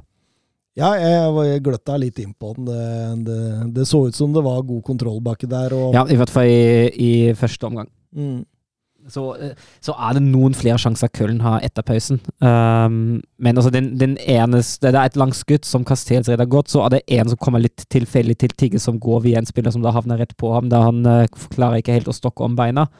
Eh, så får Wolfsburg straffesparket. En av de få gangene de er oppe. Kilian Fischer, uh, høyrebekk-talent, blir felt, og Maxi Arnold gjør det bedre enn Schalke og 2-0. Og så er det jo egentlig sånn at man har kontroll. Köln har, har en uh, veldig stor en mot slutten, eh, der de slo et godt, godt innlegg i boksen, og Castells redder nok en gang sterkt. Men jeg syns egentlig det, det så ut som en, som en grei og trygg seier, der man hadde egentlig ganske god kontroll bakover. Et- Etter 2-0 var jeg egentlig ganske beroliget sjøl. Jeg pleier ikke å ta, å ta seire på forskudd selv på 2 selv på 2-0, men jeg syns det så solid ut bakover. mm. Og stopperparet Lacroix og Van de Ven, de, eh, de gjør en eh, god kamp, begge to. Første hjemmetapet til Köln i 2023. Det, jeg, jeg trodde de skulle få, få sitt å stri med. Så det, er- det, det er imponerende. Mm. Godt gjennomført, bra kampplan av Kovac. og, Enig. Så, så, og, og denne trengte dere. Ja, Eh, den trengtes nå. Jo, og nå er jo neste er jo nå mot Frankfurt, og hvis man skulle finne på å vinne den, så er det plutselig bare to poeng opp til plass seks. Ikke sant? Så det blir, kan jo fort bli spennende igjen. Men viktig å snu utviklinga nå. Så det var som sagt, det var, ikke, det var ikke pent, men jeg er helt enig i at kampplanen som ble satt, eh, den, var, den var veldig solid og veldig fornuftig. Mm. Eh, vi var også vitne til to lag som var ute i Champions League i midtuka. En av rundens to store storkamper i Bundesliga. RB Leipzig mot eh, Frankfurt. Og jeg må jo le litt av det Timo Werner-målet der. Ja, da han, eh, Så kommentatoren var fin. for Han sa at dette er ikke noe unga går på Løkka og trener på. ja, det Dette er noe du, dette er noe du tar, eh, tar på instinkt. Ja. Han snubler Ja, det der! ja, han gjør det. Han gjør det. Uh, men uh, Ja, ja. Um, han får jo gå alene med keeper etter at Forsberg-spilleren gjennom den voldsomt tabbe av Tota deg, uh, som mister ballen eh, nesten som bakerste mann. Eh, da blir det vanskelig å Ikke ufortjent. Leipzig åpna best. Eh, Frankfurt helt klart med den klare kampplanen om å presse høyt. eh, stå høyt og gjøre livets slutt for Leipzig, men jeg syns Leipzig løser det veldig bra. Vender veldig ofte mot, ut mot høyre. Leima faller litt inn i det høyre defensive siderommet, uh, danner et alternativ da, og han brukes veldig mye til å avansere. Og når presset til Frankfurt først er overspilt, så går det veldig direkte og veldig fort. Så bruker de farta de har på toppen. Og her ser du jo problemet til sånne typiske pressorienterte lag som Frankfurt når de ikke sitter. Altså, man sliter veldig i presspillet. Blir lett spilt av. Man blir veldig smale i press òg, så det, det er bare en ball utvendig, og så og så, så er det fritt der, så det Og så, og så blir det mellomrommet bak presslett 2. Det blir veldig stort. Eh, og det, det vises jo blant annet på 2-0 uh, når Sjoboslei uh, dukker opp da og får enkelt trille gjennom Werner som ligger på tvers på Forsbekk. Og Leipzig har jo fullstendig kontroll eh, i første omgang og er det klart beste laget. Mm, mm. Ja, jeg er helt enig. ehm, helt enig. Eh, eh, noe bedre ut fra pause, Frankfurt der. Bedre i duellspillet, øh, bedre i presspillet. Ja, Og, og vinne, altså, bli bredere i press og vinne flere baller sentralt òg. Mm. det mellomrommet, de, spill- de, de oppspillene inn der, blir bedre avstengt. Eh, og så blir man litt mer Litt mer direkte. Man truer nå de riktige rommene man først har ballen. Eh, jeg syns jo det blir veldig Veldig uh, opp i bakrommet en gang sentralt. Uh, I første omgang man først hadde ballen i en god posisjon. Nå går man uh, litt bredere ut med ballen nå, og finner hele veien i boksen derfra. Og det syns jeg fungerer litt bedre. men det som skuffer meg, det er når de får den reduseringa. Og, og, og ja, ok, du kan si at eh, Lindstrøm har en helt ok sjanse der på 2-2 rett etterpå, men så faller det gjennom igjen, og RB Leipzig får fullstendig kontroll Ja. på matchen. Enig, men jeg syns jo altså de byttene eh, som, uh, som Rose gjør etter 2-1 eh, At han får inn Slaga og Heidara uh, for Forsbekk og Kampel for å stabilisere det sentrale området. det, det trengte løpere, ja, vet du. ja, og det, det syns jeg har treffa 100% med. Og fra da av, fra, de, fra da de byttene kom, 20 minutter for slutt, da er, da er det egentlig Leipzig som, som cruiser. Sterkt av Leipzig, som har slitt med Frankfurt de siste åra. Må faktisk tilbake til 2019 for å vinne sist de vant mot eh, Frankfurt. Så satt jeg og tenkte på under matchen der. Konrad Leimer. Fantastisk fotballspiller. Var enorm mot Manchester City. Banens beste, soleklart. Trøkk, intensitet, innsats. Altså Så skal han gå i samme fella som Sabitzer. Ja. Han skal gå til Bayern. Ja, han skal, Bayern. han skal sitte på benken for Goretzka og, og Kimmich. Og så går han på et utlån til kanskje Liverpool eller noe sånt nå. I, i januar. Tottenham, tenker jeg. Nei, altså synd. Hvorfor tar han sånne valg? Du er så jævlig god. Du kan være en signalspiller Nei, tror... i, i, i et absolutt topplag. Tror du at du kommer inn på den sentrale ja, det, det, tror jeg de tror. Ja. At de har en sjanse der. De har jo ikke det. Nei. Altså, de er så Altså, altså er jo det neste at så Kimmich og Goretzka som tyske landslagsspillere De kommer alltid til å ha en bonus bare av at de er tyske landslagsspillere så lenge de spiller i Bayern. Og så har jo Bayern også Gravenberg i bakhånd, da. Ja. Ja da. Som også skal ha viss spilletid. Som har gått Sabitzer-fella, han òg. Han kunne ha spilt og kosa seg i, i Dortmund, da. Faktisk. Isteden så sitter han Nei, det er ah, Synd. Vi drar Men oss hvem, nå. hvem er Bayern skal ha på benken da, hvis, hvis, hvis ingen kan gå dit? Ja, har jo en god, eh, god eh, De har jo et godt akademi. Masse gode spillere. Ibrahimovic, Wander Ja, altså, altså, Bayern har jo en stålkraft som sørger for at de alltid får gode spillere. Sånn er det Men de må jo ha gode spillere Ja, ja, i bakhånd for Selvfølgelig. Så hvis, må hvis de de nå har planlagt at Sabitzer skal bort til sommeren, ja, da må de Nei, altså, det. det, er jo ikke Bayern som gjør noe feil, det er jo spillerne som kanskje tar, ikke, ikke tar de smarteste valgene. At, at, Bayern, at Bayern vil ha Sabitzer, Leime og, og Ravenberg, det skjønner jeg ekstremt godt. Ja, ja, ja. Det er, det er jo der, som du sier, sjøl, Det er jo der jeg er her. Mm. At uh, Som spiller, hvorfor velger du det? liksom Der hvor Altså Hvorfor, Du kan få, du kan hvorfor, få sølv i Dortmund eller gull i Bayern. Du kan velge. hvorfor gå til Tottenham som en uh, klar nier? Det er jo ikke sånn Soldado gjorde feilen. Richarlison. Eh, Nei, han er jo ikke noe klar nier. Han får ikke spille. ja, nå ja. Sånn kommer i form igjen, og så er det tilbake på benken. Ja, men jeg, jeg tror Richarlison får spille mye. Ja, ja. Ja. Han, er, han var strålende mot Ja, Chelsea. ja, det er enig. Jeg skal ikke ta fra noe på Chelsea-matchen. i hvert fall. Eh, Hoffenheim, Dortmund. Eh, god energi og trykk fra Hoffenheim ut her, eh, by, men de byr også en del på bakrom. Yep. Et bakrom som eh, Dortmund fort kan utnytte. Ja, stemmer. Eh, veldig positiv av Hoffenheim, syns jeg. Det er jo også et, altså, Dortmund har jo hatt en voldsom serie, har vel vunnet de siste åtte kampene nå. Før denne, ja. Før denne. Uh, Hoffenheim har jo, har jo ikke vunnet siden er oktober. Eh, jeg tror 16. oktober var sist de vant. Jeg har ikke dobbeltsjekket det, men et sted der. det er voldsomt dårlig form, i hvert fall. Ja, eh, men den åpninga der, eh, altså den kampen vi har, selv om det ender med 1-0-tap, eh, det syns jeg viser en positiv ut utvikling for Hoffenheim. For jeg, jeg, jeg syns det som de gjør veldig bra, da, er varieringen av presshøyden. Uh, jeg syns de, de treffer ofte greit på når de skal presse høyt, og når, de, når de skal ligge litt lavere. Eh, og når de først presser høyt, eh, så klarer de å tvinge Dortmund til en god del frispillingsfeil, eh, og skape noen farlige situasjoner ut av det. og den første halvtimen i hvert fall syns jeg de er fullt på høyde, og så begynner Dortmund å spille dem lavere og lavere.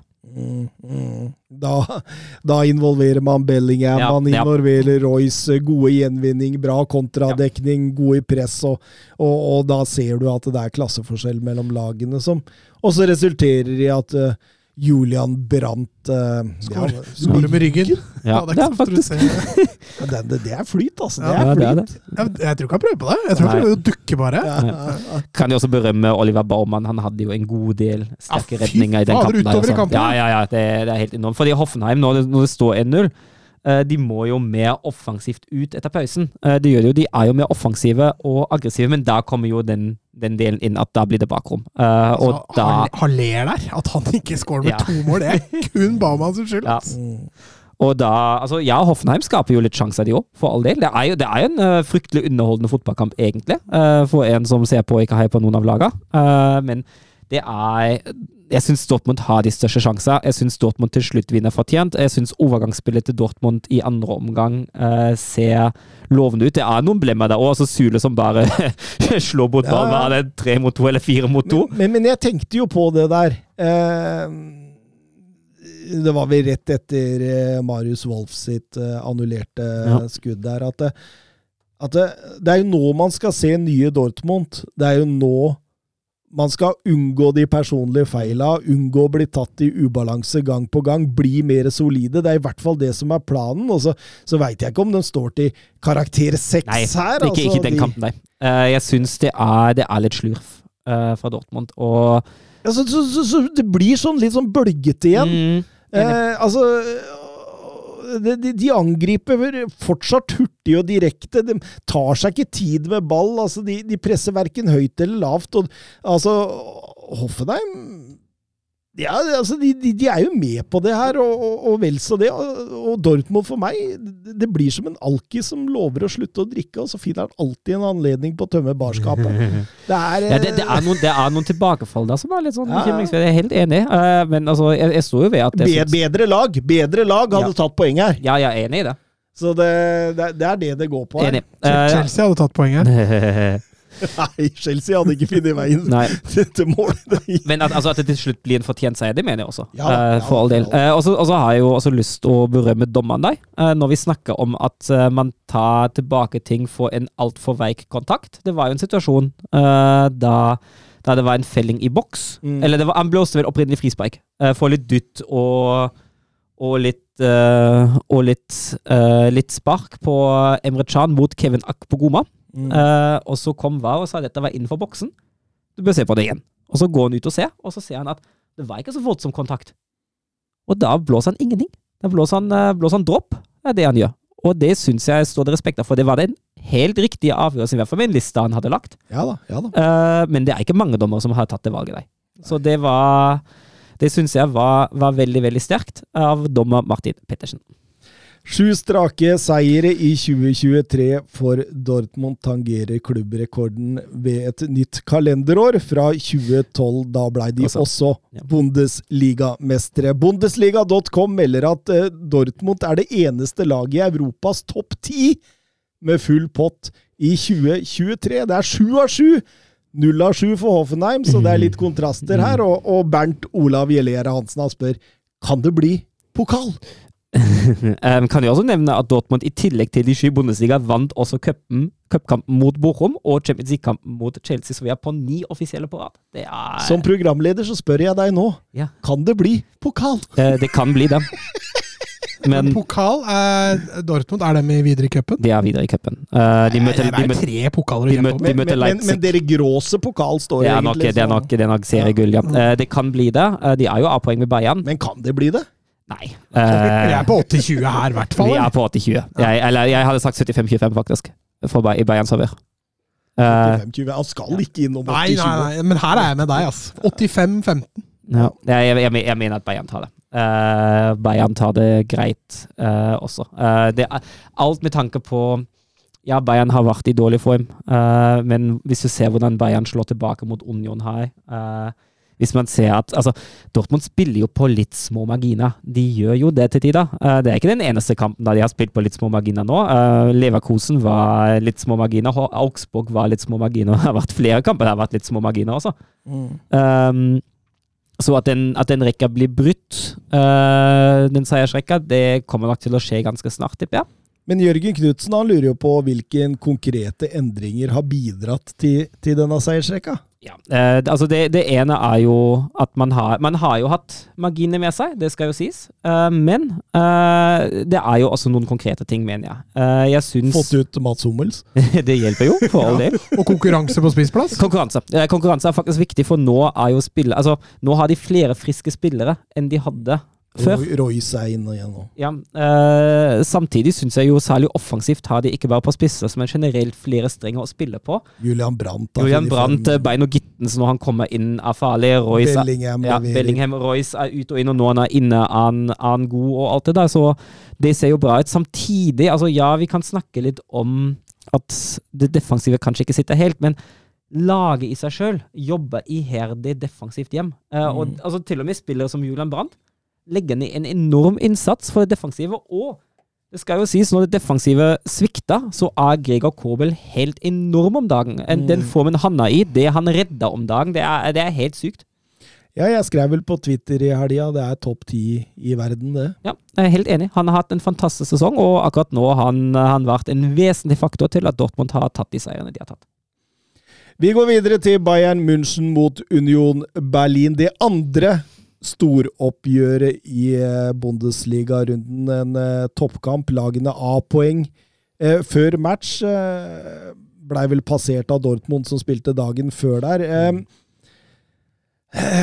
altså, de som trodde Urs Fischer skulle komme til München for å underholde, de har ikke sett mye tysk ball. Og, og det, var, det var jo en slags totaldominanse fra start der. Fra start, fullstendig. Eh, det jeg er litt skuffa over, eh, er den graden av passivitet eh, Union Berlin går i den kampen med. Det gjelder både motballen, der man egentlig nekta å presse ballfører før i hvert fall siste 20 for mål. Men det gjelder i aller stor grad. Altså, De, de, spiller som de de sliter med avstand. Altså. ja, Avstands. Det er, det er avstandsproblemer her. Og, men det, det, det gjelder jo også i aller stor grad når Union først spiller som de spiller, så er de så avhengig av at kontringene tas, og at kontringene tas helhjertet. Og det ser jeg ikke i den kampen. Der. Eh, nå sender de opp én, maks to spillere som blir voldsomt isolert, og Bayern har ingen problemer med å gjenvinne i Unions halvdel og starte en ny bølge og starte en ny bølge og starte en ny bølge. Eh, så den inngangen Union hadde, jeg vet ikke om det var nerve, jeg vet ikke om man blir for imponert, man blir for ærbødig uh, med, den, med, den, den settinga i den kampen der. Men det var Ja, det var en defensiv tilnærming, men det var ikke helt Union. Mm. Uh, det var ikke de kvalitetene som vi har sett av Union, som har sørget for at de står der de står. Nei, men samtidig syns jeg jeg synes Bayern München er gode til å ikke gå i denne Urs Fischer-fella. Mm. Altså den med også, altså de, de opprettholder et tempo over spillet sitt hele veien, og jeg syns trekket de gjør med å bruke Kimmich Mm. i oppspillsfasen der at han, altså, altså, han er ikke Det er ikke Kimmich og Goretzka i denne kampen. Det er Kimmich dypt, Mm. Goretzka høyere. Som gjør at det, Kimmich han dropper nesten ned som en tredje stopper. Og setter i gang spillet bakfra hver eneste gang. Og han er så god på akkurat han, det. han er voldsomt god på det. Uh, helt enig. I tillegg frigjør det Goretzka til å true det mellomrommet, og det Bayern gjør riktig av at man nå Altså, det ene er tempo. Vi har snakka veldig mye om tempo til Bayern og Frava i, i tempo i det offensive spillet til Bayern. Uh, det har, er kanskje den beste kampen vi har sett offensivt av Bayern det året her. Nei, det er ikke kanskje, det er faktisk det. Uh, med tanke på tempo og bevegelser og få touch på ballen og alt det der. Eh, men man gjør det også helt riktig ved å gå rundt den der midtblokka til Union Berlin. Mm. Uh, man bruker kantene for alt det vet. Man vender fort fra kant til kant. Uh, man spiller seg inn i boksen via kant, uh, og det hjelper jo å ha Goretzka, Mulla og Mosiala sentralt som binder spillerne deg. Ja. Uh, og samtidig tilby pasningsalternativer fra kant inn. Så jeg syns en kampplan som Nagelsmann har satt, og jeg er helt enig med deg med den Kimmich-rollen nå, den, den satt som et skudd også. Og så er det gøy å se på Müller. Du ser før 1-0-skåringen hvordan, han peker til Kimmich. Hvor skal ballen? Jo, den skal ut til Koman. Kimmich han, han automatisk hører på, på, på Müller, for det er flaks at den ballen kommer igjennom. Men, men, men du ser liksom at det, det er så intuitivt hvordan man gjør dette her, og du ser Müller hvordan han styrer det. Han, står, han får to nye assist i denne kampen. Det er ikke tilfeldig. Han er så ekstremt dyktig på akkurat denne type spill.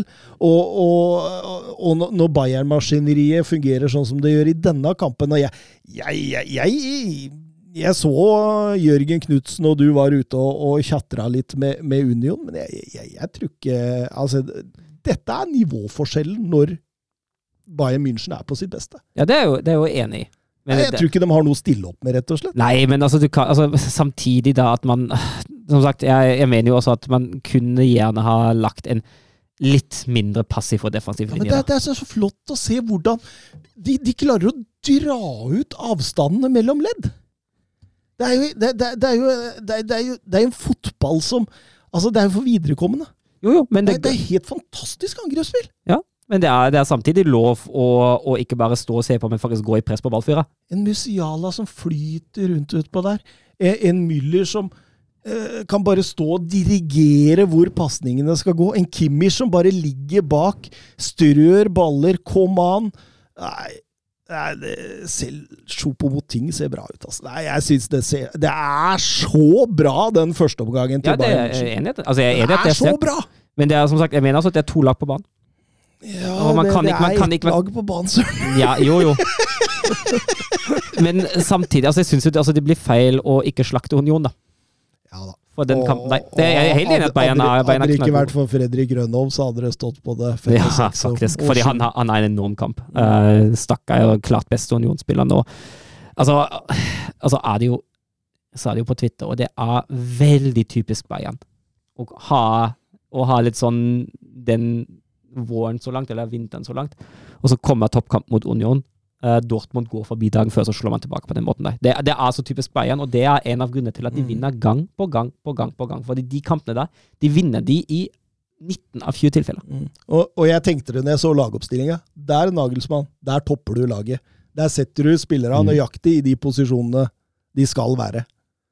En, en Müller som en mellomromsspiller, en, en Kimmich som en starter. Ja, og De Ligt var strålende utpå Mm. der. altså god i, i ja, Nei, det, det var så mye bra der. Og, og Gustav Horndal han har lagt merke til det samme som meg. Bruken av Kimmich som mer et bindeledd mellom forsvar og midtbane, og ikke som to sittende.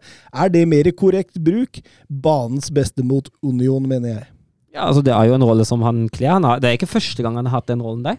Eh, og jeg syns jo det fungerer veldig veldig bra, for han har jo den fotballsmartheten, han har den pasningsfoten, han har den gjenvinningsstyrken også. Uh, han, er tovei, han er jo såpass toveis at han kan bekle den rollen der veldig veldig godt.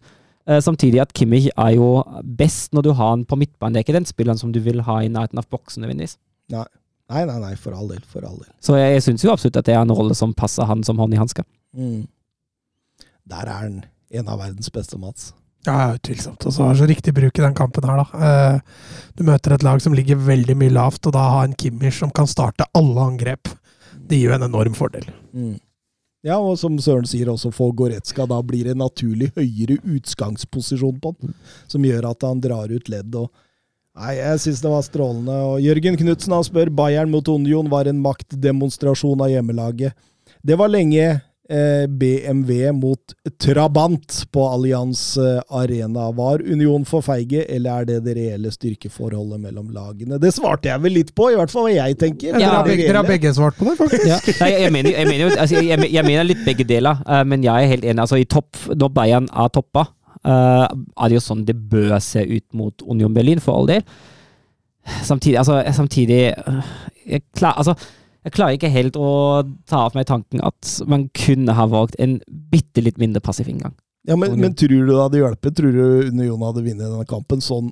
Nei, men altså, eh, som, Et av problemene for meg da, det blir jo at de bare ligger og tar imot, tar imot, tar imot, tar imot, istedenfor Ja, ja, for å skape litt men- sjøl. Ja, men hva tror du hadde skjedd hvis de hadde på en måte tømt seg mer? Jeg sier ikke at de nødvendigvis må tømme seg mer, eh, men jeg sier at det, det å være mer, mer aggressiv tidligere eh, Ikke nødvendigvis helt oppe når Kimmich står og strø, uh, men i neste lett. da. At man er mer aggressiv da. At man tar overgangene litt mer helhjertet. At man sender flere spillere fram enn én. Ja, jeg, jeg tror uansett hva Ous Fischer hadde gjort, så hadde han tapt denne Det, kampen. det tror jeg. Det tror jeg absolutt. Men jeg tror det kunne ha sett litt bedre ut. Eh, Freiburg, Leverkosen eh, 1-1. To tapte poeng for Freiburg. Ja, men eh, samtidig er Leverkosen Altså, det, det er ok at det blir uavgjort, men eh, Leverkosen er faktisk det beste laget og det farligste laget der. Eh, le, le, eh, Freiburg leder jo 1-0 til pausen ved Grifo før Azmoun utligna midtveis i andre omgang. Sånn sett kan man si at det var tapte poeng for Freiburg, men eh, Leverkosen kunne også vunnet den kampen. Mm. Og Jørgen Knutsen gir seg ikke. Han eh, har sett eh, Schalke vinne over Stuttgart, og våger seg på påstanden om at Schalke har stått opp fra de døde og redde plassen i Bundesliga. Er du enig? Eh, Nei. Schalke altså jeg, jeg, Jo, altså jeg er enig i Det er bare tre poeng opp. Jeg veit. jeg er enig i at Schalke har sett bra ut. Har, eller nei, Schalke har sett mer solid ut nå. Eh, det har jo vært eh, 4-0-0 på rad før man nå slo, slo Stuttgart. Eh, men eh, altså de, de neste kampene det er så avgjørende, inkludert den mot Stuttgart nå, så har de nå fem av de neste sju mot direkte konkurrenter. Og det, de må nesten vinne alle for at de har en sjanse. Uh, de siste kampene som de har, de er ganske voldsomme. Uh, og jeg ser ikke helt at det skjer, dessverre. Uh, jeg tror ikke at det blir 15 poeng ut av de fem avgjørende kampene som de har. Og sjøl hvis de tar ti eller ni poeng ut av de der, så kan det bli for lite, altså. Eh, jeg mener at den utgangsposisjonen som de har satt seg sjøl i, eh, er såpass, såpass vanskelig at selv om de absolutt nå er konkurransedyktige, eh, som de ikke var i høsten. Men jeg syns jo de er konkurransedyktige Bundesliga nå, for all del. Men Ha, har Bochum i neste? den er jo enormt viktig. Uh, Kommer seg unna jumboposisjonen med seier der, Ja. i forhold til målforskjell. og det kan jo for all del gi en positiv driv uh, rundt klubben og i laget. Um, jeg vet ikke, jeg ser fortsatt for meg at det er Schalke og Borum som går rett ned. Også. Jeg gjør det, Med tanke på kvalitet, med tanke på hvordan det ser ut. Jeg ser dem har vært nederst, altså jumboplassen, for, altså siden serierunde 11, Ja. faktisk. Ja. Og de har, de har vel, eh, de har vel De har vel vært på nedrykksplass konstant siden fire eller fem, eller. Siden man starta altså. Nei, Det er siden sesongen de rykka ned. Var de mål også på nedrykksplass hele sesongen. Ja. Siden Bundesliga starta. Så ja, nei, altså det hadde vært gøy om Schalke kunne klare seg, for det er en stor klubb. Uh, og det er jo det er noe som mangler hvis de rykker ned. Uh, men jeg, jeg kan ikke helt se det for meg. Selv om jeg, jeg håper jeg tar feil. Vi uh, kjører videre i Serie A. era il marcatore di Cannavaro. Palla tagliata, messa fuori, c'è Pirlo, Pirlo, Pirlo, ancora Pirlo di tacco, tiro,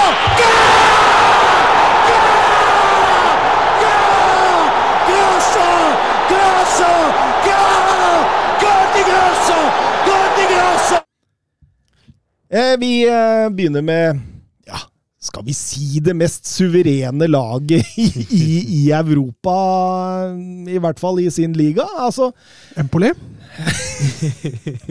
ja, men altså Napoli-Empoli. Eh, det, det første jeg tenker, da, er svært lite rotasjon hos Spatelletti. Altså, du ser alle Champions League-laga er inne og rullerer. Her kjører man det samme. Gang etter gang etter gang etter gang. Hører du det, Potter? Men, men, men Kan det bli for tøft ikke, i Champions League, da, Ja. tenker jeg på. Det kan det bli. Uh, og det, det kan bli banen deres, men uh, Det gjør at formkurven kan vare lenger, men når du først får en down, så kan det bli stygt. Og risikoen er selvfølgelig overbelastning og skader. Eh, og spesielt da Nå har vi jo sett at Napoli har rullert litt. altså Simione har kommet inn, og så har det ikke vært noe merkbart. Eh, Elmas har kommet inn, gjort det strålende. Så de har backup i korte perioder. Men skulle Karaskela eller Oshimen få en lengre skade, så tror jeg det kan bli, eh, kan bli stygt. Samtidig tror jeg at det, altså det viser jo litt den betydningen eh, Serie A-tittelen har for Mm. egentlig hele klubben, da. Eh, for jeg tror altså Nå har de jo vunnet 2-0 borte mot eh, Frankfurt i Champions League, og Kolomoani har i tillegg fått rødt kort, så det ser jo veldig lovende ut med tanke på avansement i Champions League. Men jeg tror hvis du spør, hvis du spør hvem som helst rundt klubben, eh, at man tar heller å ryke i Champions League åttedelsfinalen nå, enn å miste seriegullet. Ja, ja. ja, ja, helt eh, utvilsomt. Det er, det er seriegullet som åpenbart teller, og Champions League som er en bonus her. Og, og dem, Ja, de- de går jo før halvtimen er spilt, leder dem 2-0. Eh, Victor Oshimen setter 0-2 etter et selvmål på 0-1. Hans åttende strake eh, mål i Serie A-kamp. Ni totalt med målet mot Frankfurt i Champions League. Og, og Steffen Hansen spør hva har Spalletti egentlig gjort med Oshimen? Begynner å se ganske komplett ut. Husker jo han fra Lill, var jo bare bakromsløp. Ja, og det har litt med boksspillet til Loshman. Han er blitt ekstremt smart i bevegelsene sine i boks. Eh, finner ofte rom. Han er et fysisk beist, men han er ekstremt god i timinga. Både i luftduellene, men også i innløpa sine. Og så hjelper det voldsomt da, ha Kvaratskhelia rundt seg. Eh, han er vel hovmester nummer én til Loshman. Altså, han er De Bruynes Haaland, holdt jeg på å si. Haalands De Bruyne. Eh, Sånn at uh, det, det er flere aspekter i det, og så må vi ikke glemme at han er en, han er en veldig god fotballspiller. Fryktelig god fotballspiller. Som Wolfsburg gidder for, altså. Er. Ja, nei, I Wolfsburg var han jo ikke god, da. Uh, jeg fikk vel noen millioner, men åh, ja. Var det noe videreprodusensalg der, da? ja, men problemet er at jeg gikk fra Calora til Lill, så det var ikke så voldsomt det heller. Nei, okay. Men det er noe utdanningskompensasjon der, da? er det ikke? Nei, mm, det er i så fall ikke mye, for han kom jo sånn. nei. Det er vel bare noen tusenlapper i løpet av et år? Ja, det, altså, som, en klubb, som jeg sier sånn, som en klubb, eh, for en klubb som Wolfsburg, da, så er ikke det noe Nei, Det holder til kjeks i kantina. Det, er helt i- riktig. i det, Det, det, det, nivået der blir en currywurst. Men, men etter 2-0, det er utopi at Empoli kommer tilbake. Oshimenan er 3-0. Det er bare en nydelig benparade av Vikario. Eh, Kim Inya har en heading i tverrleggeren der fra jeg tror det er ett meter skjold eller noe sånt nå. Empoli sliter så voldsomt med Napoli. eh, Kan angripe på så ekstremt mange måter. Har ekstrem kvalitet. eh, Godt bredt, godt inn bak, gode i mellomrom, dødballer, innlegg, gjennombrudd. Altså, kombinasjoner. Du, du kan ikke gardere deg mot dem, altså. Nei, og det skal bli jæklig artig. Altså, Nå veit jeg dere ofra Champions League-plassen deres for de skulle vinne Serie A, men å få se Napoli Altså, De som ikke har sett Serie A i år og Napoli, de, de har gått glipp av noe, faktisk. Og de får seg en brutal overraskelse. Ja, ja, altså, når Napoli møtes Hvis de møter et påskrudd City i form, nei, et påskrudd Napoli i form, skal City og De skal få kjørt seg. Altså, Ja, Bayern og alle Ja, ja, ja. sammen skal virkelig få kjørt seg der. Altså. Ja, absolutt. For det, det er jo ikke bare Oshimen og Kvarasjkela. Altså, det er den midten med Zelenskyj, Lobotka og Angissa. Det driver jo laget. De, de, de kontrollerer så å si hver kamp i possession, altså. Balansert, teknisk bra. eh, Altså, Spesielt god i Ja, overgangen. ja, og, altså må vi jo ikke glemme altså Vi snakker mye om angrepet, og det med rette. Men de rett. har det beste forsvaret. Ja, med rett, ja. Nei, Men de har det beste forsvaret i Serie A. De har I 24 kamper har de fått 15 baklengsmål. mm. ja, ja. Langt unna Barcelona. da. Et litt klønete rødt kort av Mario Rui. Et, et, helt, et helt idiotisk rødt kort. Sparker han på nøttene til stakkar Caputo, eller? Ja, det ser sånn ut. Gjorde nøttene til Caputo kaputt? Caputo kaputt. Caputo kaputt. Men eh, etter hvert så kan jo Spalletti ta ut både Lozano og Kvarasjkela og Nei, det, det, det er nok kjørestyrke her til å, til å likevel eh, være konkurransedyktig 10 mot 11 og kontrollere godt ut, altså.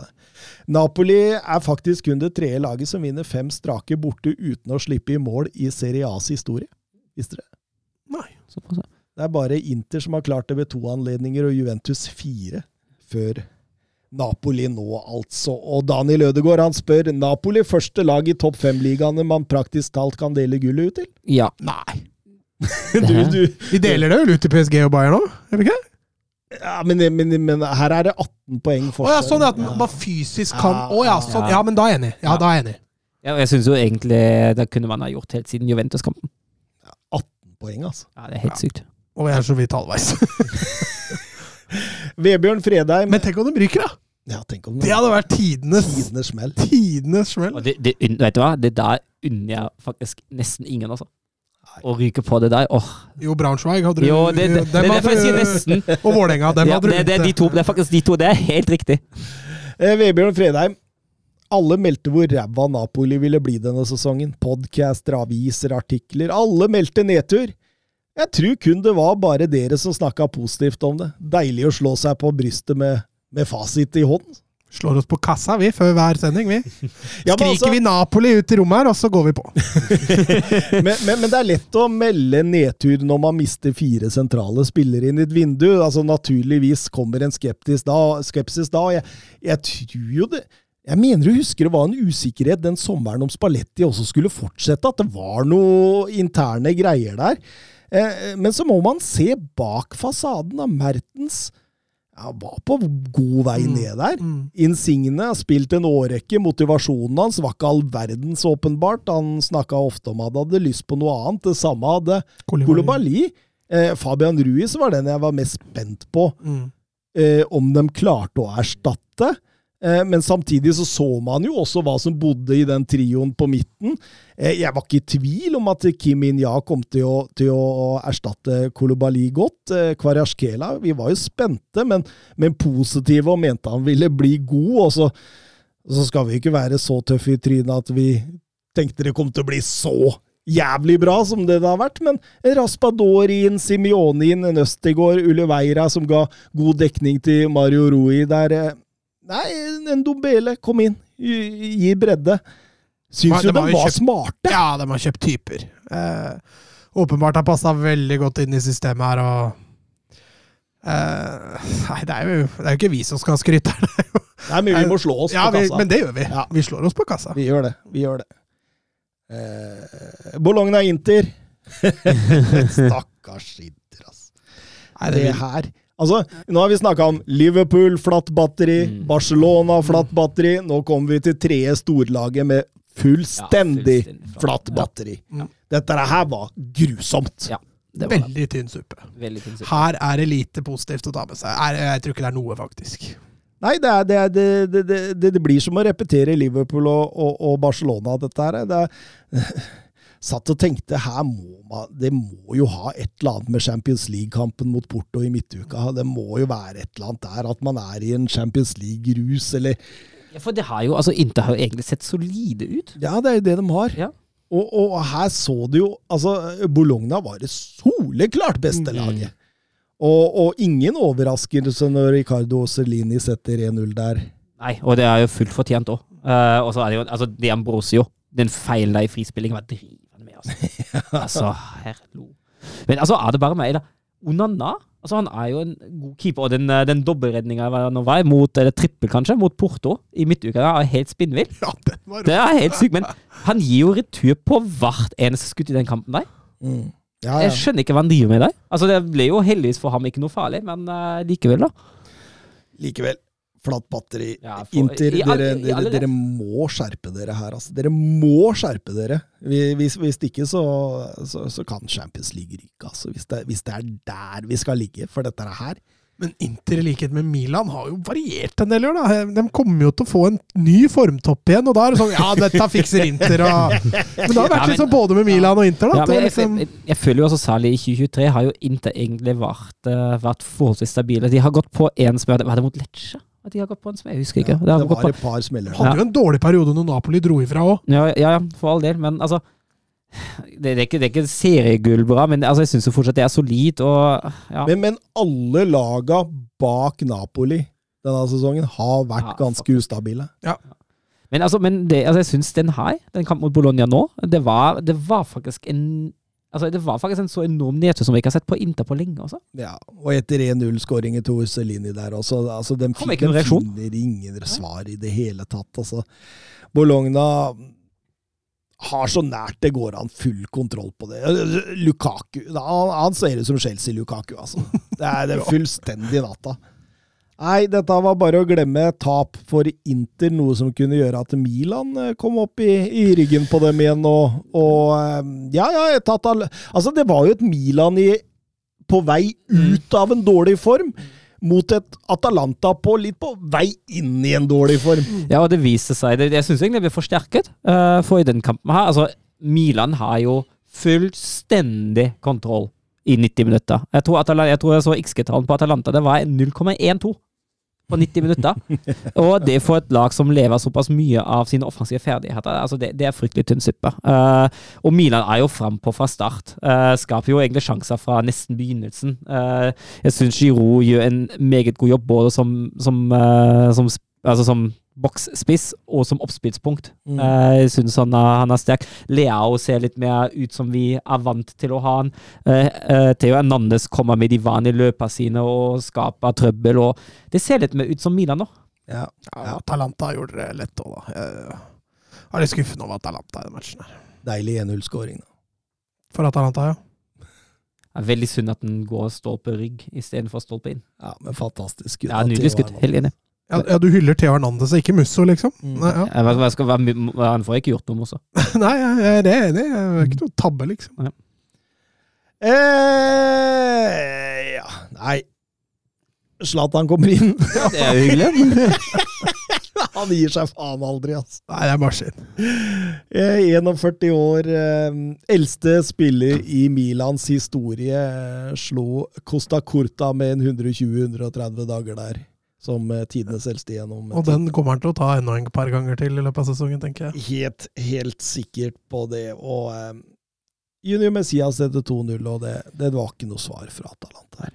Det er bare for ham at han skåret etter den bommen han hadde før. Ja, halvsjanse. Eh, Torjus Hansen, Milan kommet seg ut av sumpa nå, eller? Ja, jeg synes jo det Dette er spillmessig var dette Ja. en opptur, i hvert fall. Så har han funnet litt mer balanse igjen i laget. Mm. Ja. Blitt litt mer solid igjen. Altså ja, Theo har vært strålende. Fått uh, Fått uh, Ja, ja. Eh, fått uh, også tilbake spillere fra skade. Manja, Mm. eh, Tomori, som er ekstremt viktig for dem der.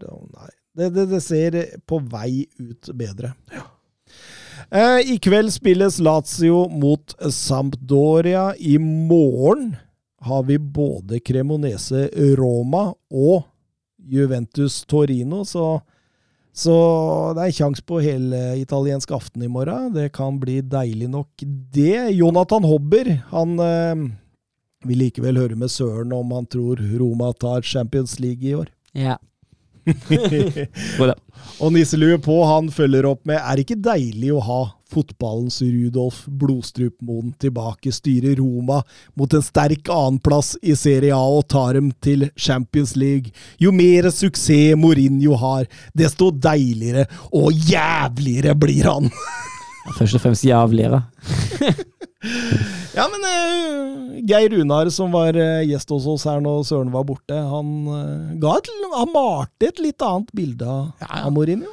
Han sa jo det at privat så var det en karismatisk, fin fyr. rolig. omsorgsfull, vil han, eh, trakk han vel nesten. Så han har jo danna seg et helt annet image i media enn det han åpenbart er i virkeligheten. Og her har vi jo en faktisk som har liksom Ja, jeg veit ikke. Han blitt undervist av han på, Ja, på han hadde ja. Så det, er, det, det, det, det kan være en annen Mourinho bak eh, Ja, selvfølgelig kan det det. Men problem, problemet er jo når man ikke kjenner den andre, så må man jo på en måte bedømme den ut ifra det man ser. Ja da, ja da. Selv om Jack the Ripper sier han er glad i deg, så, så kan du fortsatt bære nag til den. Jeg ser. Jeg må Sammenligne med Søren Mourinho hater Jack the Ripper, så det var et dårlig eksempel. Sammenligne nå Mourinho med Jack the Ripper? Eh, Ligue sur la frappe de Messi de, De de Mercado, Mercado, oui. Mercado, et, et là aussi on a un petit peu de réussite.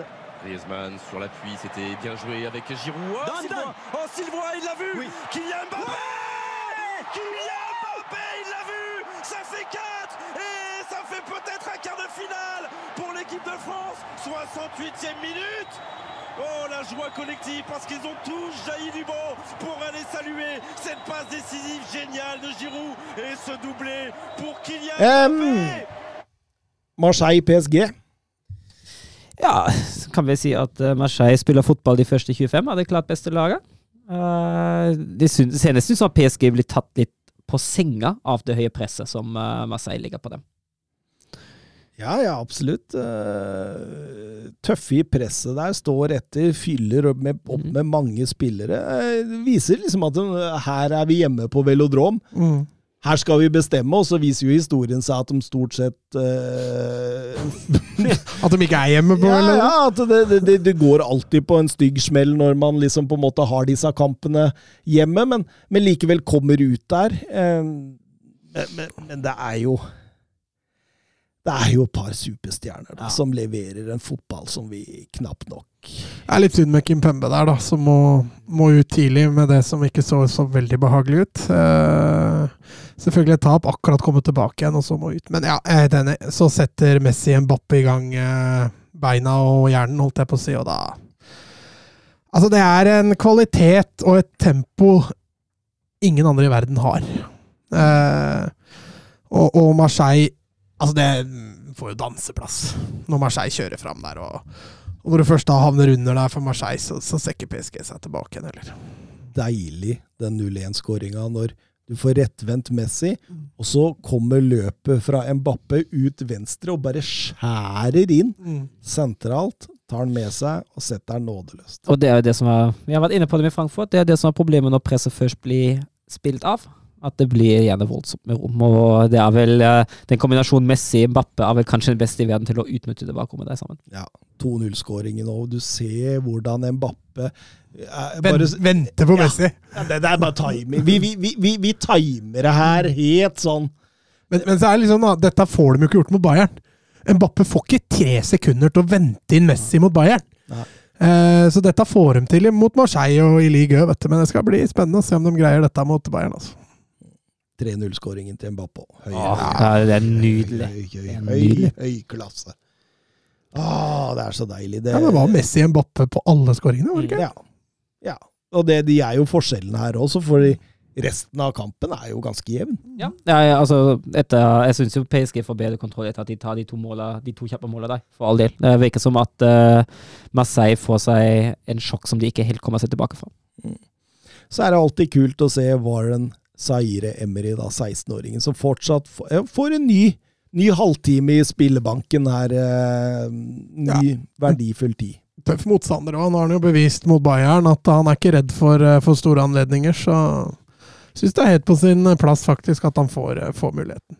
Didrik Tofte Nilsen lurer på om Mbappe kan få gullballen i PSG, eller om han må et annet sted. Han kan, men da må han vinne Champions League eller en stor turnering i Frankrike og være helt, helt bare bjelke. Uh, den lista for at Mbappe skal klare gullballen i PSG, ligger betraktelig høyere enn de andre klubber. Fikk Messi nå den der eh, Fifas best? Eh, Jeg tror de fortsatt er i gang. Å ja, de er ikke jeg, ikke om de har jeg tror de er i gang. Sist jeg så, var vel at den hadde ankommet. Oh, ja, okay. Ja, for det skjer nå. Ja, Ja, for de skulle ta ut verdenslag og sånt i kveld. Ja, Fifa har jo egen kåring, ikke Ballon år, men de har jo egen. Ja. Jeg bare leste at Messi hadde vunnet og sånn, men det er mulig. Jeg kan tenkes at han gjør Kanskje jeg at han har jeg ikke fulgt Altså, VM-vinneren vinner jo som regel. Nei, jeg, jeg har vanskelig for å se for meg at Mbappe kan vinne i PSG. I hvert fall ikke hvis han ikke vinner Champions League. Og det tror jeg som PSG ser ut nå, så gjør de jo ikke det. Eh, men samtidig, da. Nå er Messi, Ronaldo er borte, Messi er på vei bort. Eh, det ligger en litt sånn åpning der. Men eh, ja, tror du Bellingham vinner den i Dortmund, da? Nei, ikke ennå. Nei. Jeg, jeg, jeg eh, Det virker jo nesten som Hvem vinner Ballon d'Or neste år? Den er vanskelig. Den er veldig vanskelig. Vi, vi, vi kommer jo til et spørsmål litt seinere. Vi kan jo snakke litt om det da. Um, Lyon eh, fortsetter oppturen eh, med Laurent Blad. Vinner 1-3 borte mot Angers. Eh, Lance, som var så høyt oppe her, de faller som en stein nedover på tabellen. Har kun én seier på siste seks, og fikk nå 1-1 mot Montepillier. Men Rem, Stad Rem, de fortsetter seiersrekka under eh, Will Still fortsetter å imponere. Altså, det er voldsomt imponerende. Har kun ett tap på 17 kamper, og det er i Coupe de France mot Toulouse. Nå tar de revenge og vinner 3-0 her, og August Landstad han spør om vi har kontroll på Will Still-tabellen. Ikke, men de må jo være ganske høyt oppe, da. Ja, ja, det Altså, Altså, det var en del uavgjort for all del, men uh... Ja, de har eh, Skal vi se de har, På 16 kamper i League Ø så har han åtte seier og åtte uavgjort. Ingen tap. Og det er jo det er et poengsnitt på to. Hvis du, har, hvis du har det over hele sesongen, da kommer du høyt. veldig høyt. Da kommer du høyt. Så det er ingen tvil om at uh, Will Still-tabellen hadde gitt uh, Stadrem en, eh, en plass høyt, høyt oppe på tabellen. Eh, nå ligger de vel på tiende. Eh, totalt eh, borte fra alt som heter nedrykkskamp, og, og kan faktisk begynne å se litt oppover på tabellen. Kun fire poeng bak sjuendeplassen til NIS. Så det, det er så imponerende, det han Ja, og, men, men det er vel bare seks lag i Frankrike som får Europa neste år. Ja, det er vel. Ja, Så det er litt lenger opp til Europa Så er det League. fire lag som rykker ned. Ja, men den, den kan jo de glemme nå. Eh, la oss si grensa går på 35 poeng. Da. De, Rem er på 37 nå, så det Mm. ja, Nei, de kan, de kan fint se litt opp, men det er litt skummelt, det òg. Veldig mange lag rykker jo, holdt- ikke rykker det, men rakner når de begynner å se oppover på tabellen. Så jeg tror de bare skal fortsette å jobbe med, med det de gjør. Og Monaco, som har vært inne i en fantastisk periode, nå røyk dem på huet og ræva ut av Europa League mot Leverkosen, og søndag nok et stygt tap hjemme mot NIS, et NIS-lag som under Didier Digara har fått, fått god, god eh, flyt på det igjen. Um, Geir Halvor Kleiva, tror dere noen klubb klarer tre trofeer denne sesongen? The Trouble, liksom. Det det er noen kandidater. Uh, Er Napoli fortsatt med i Coppa Italia? Nei, de røyk mot Cremonese. Ja, de røyk mot Cremonese. Ja, der stiller de B-lag. Der roterte de. Stemmer. Eh, Bayern er jo en kandidat til å kunne klare det. Manchester City kan klare det. Uh, Jeg tror ikke det er noen som klarer klarer jeg, jeg, jeg tror ikke det heller, men det er noen muligheter der. Men er det noen andre enn Bayern? Real Madrid, da. Ja, men det, det, det seriegullet henger i en tynn tråd, altså. det, altså. Men hvis Barca skal fortsette sånn som de gjorde mot Almeria, så er det veldig greit. Ja, nå, nå overbeviser ikke Real Madrid eh, nødvendigvis heller, da, men ja. Young Afro, topp fem spillere i verden at the moment. Oi, oi, oi, for en øvelse. Den, den, er, den er tung. altså Messi må jo inn der. Ja, men at the moment. Jeg tror jeg Ja. mener form, eller? Ja, sikkert. Ja. Akkurat nå. Akkurat nå, ja. ja. Eh, skal, skal jeg komme med en rask liste? Ja, gjør det. Gjør det. Skal jeg bare å, skal jeg... Mbappe? Mm. På fem? Nei, én. Ok. Vinitius junior 2.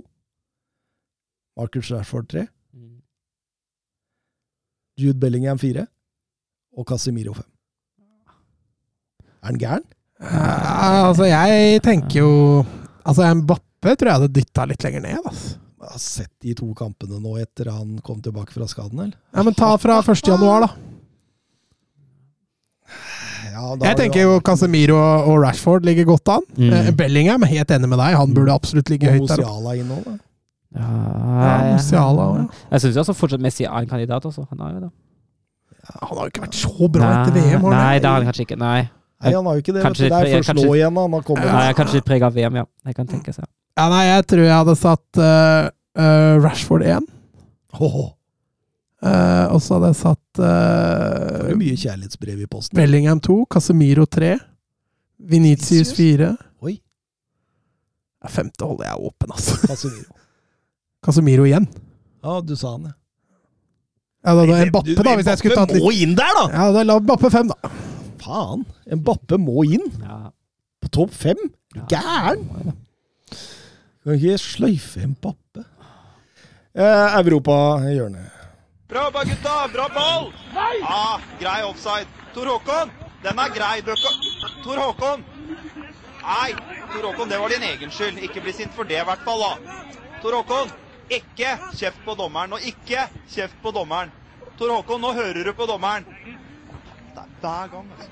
Hver gang. der. Eh, Mats. Ja, nei, Fugla har jo spilt noen treningsmatcher. da. Jeg har jo dratt til Marbella eh, og møtte Viking nå. Forferdelig førsteomgang! Er helt utrolig at de ikke ligger under med mye mer enn det de gjør.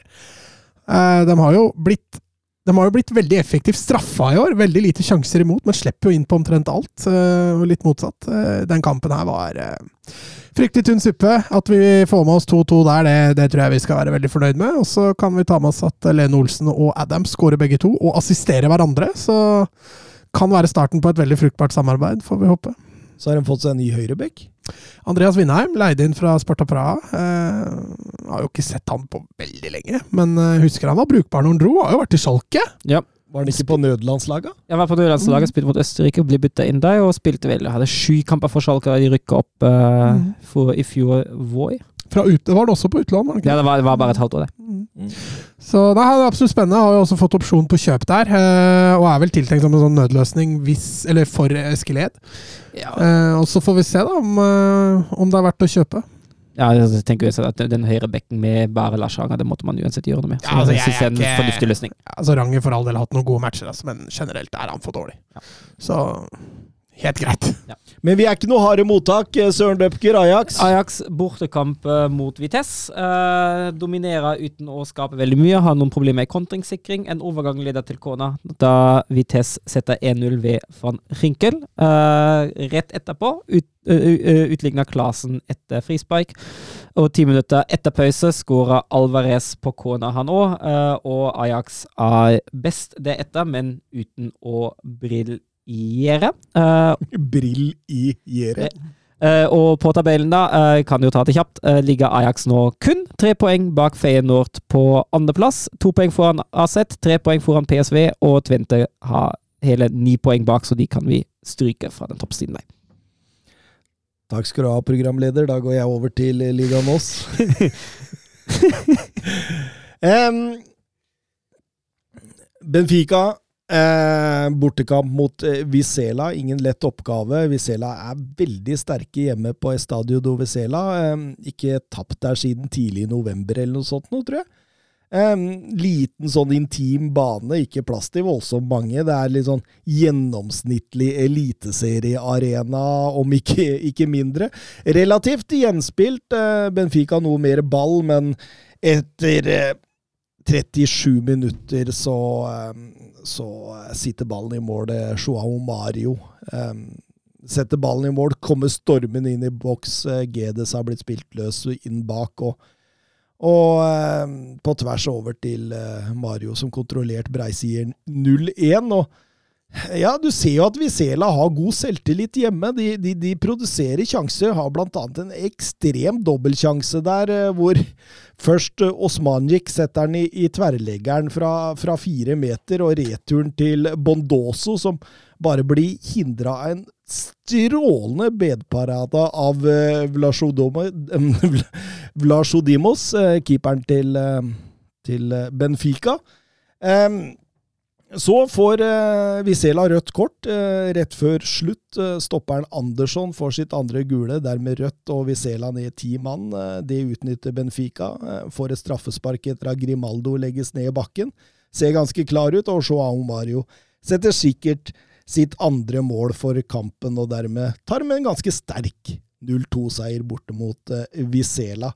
Og når Porto eh, tabber seg voldsomt ut mot Gil Vicente eh, søndag kveld, eh, så er jo runden eh, strålende for Benfica. Eh, Porto der som gjør det ekstremt vanskelig for seg sjøl. Det drar en eh, såkalt Hvem er det som fikk to mann utvist ganske kjapt der i Spania? Elche.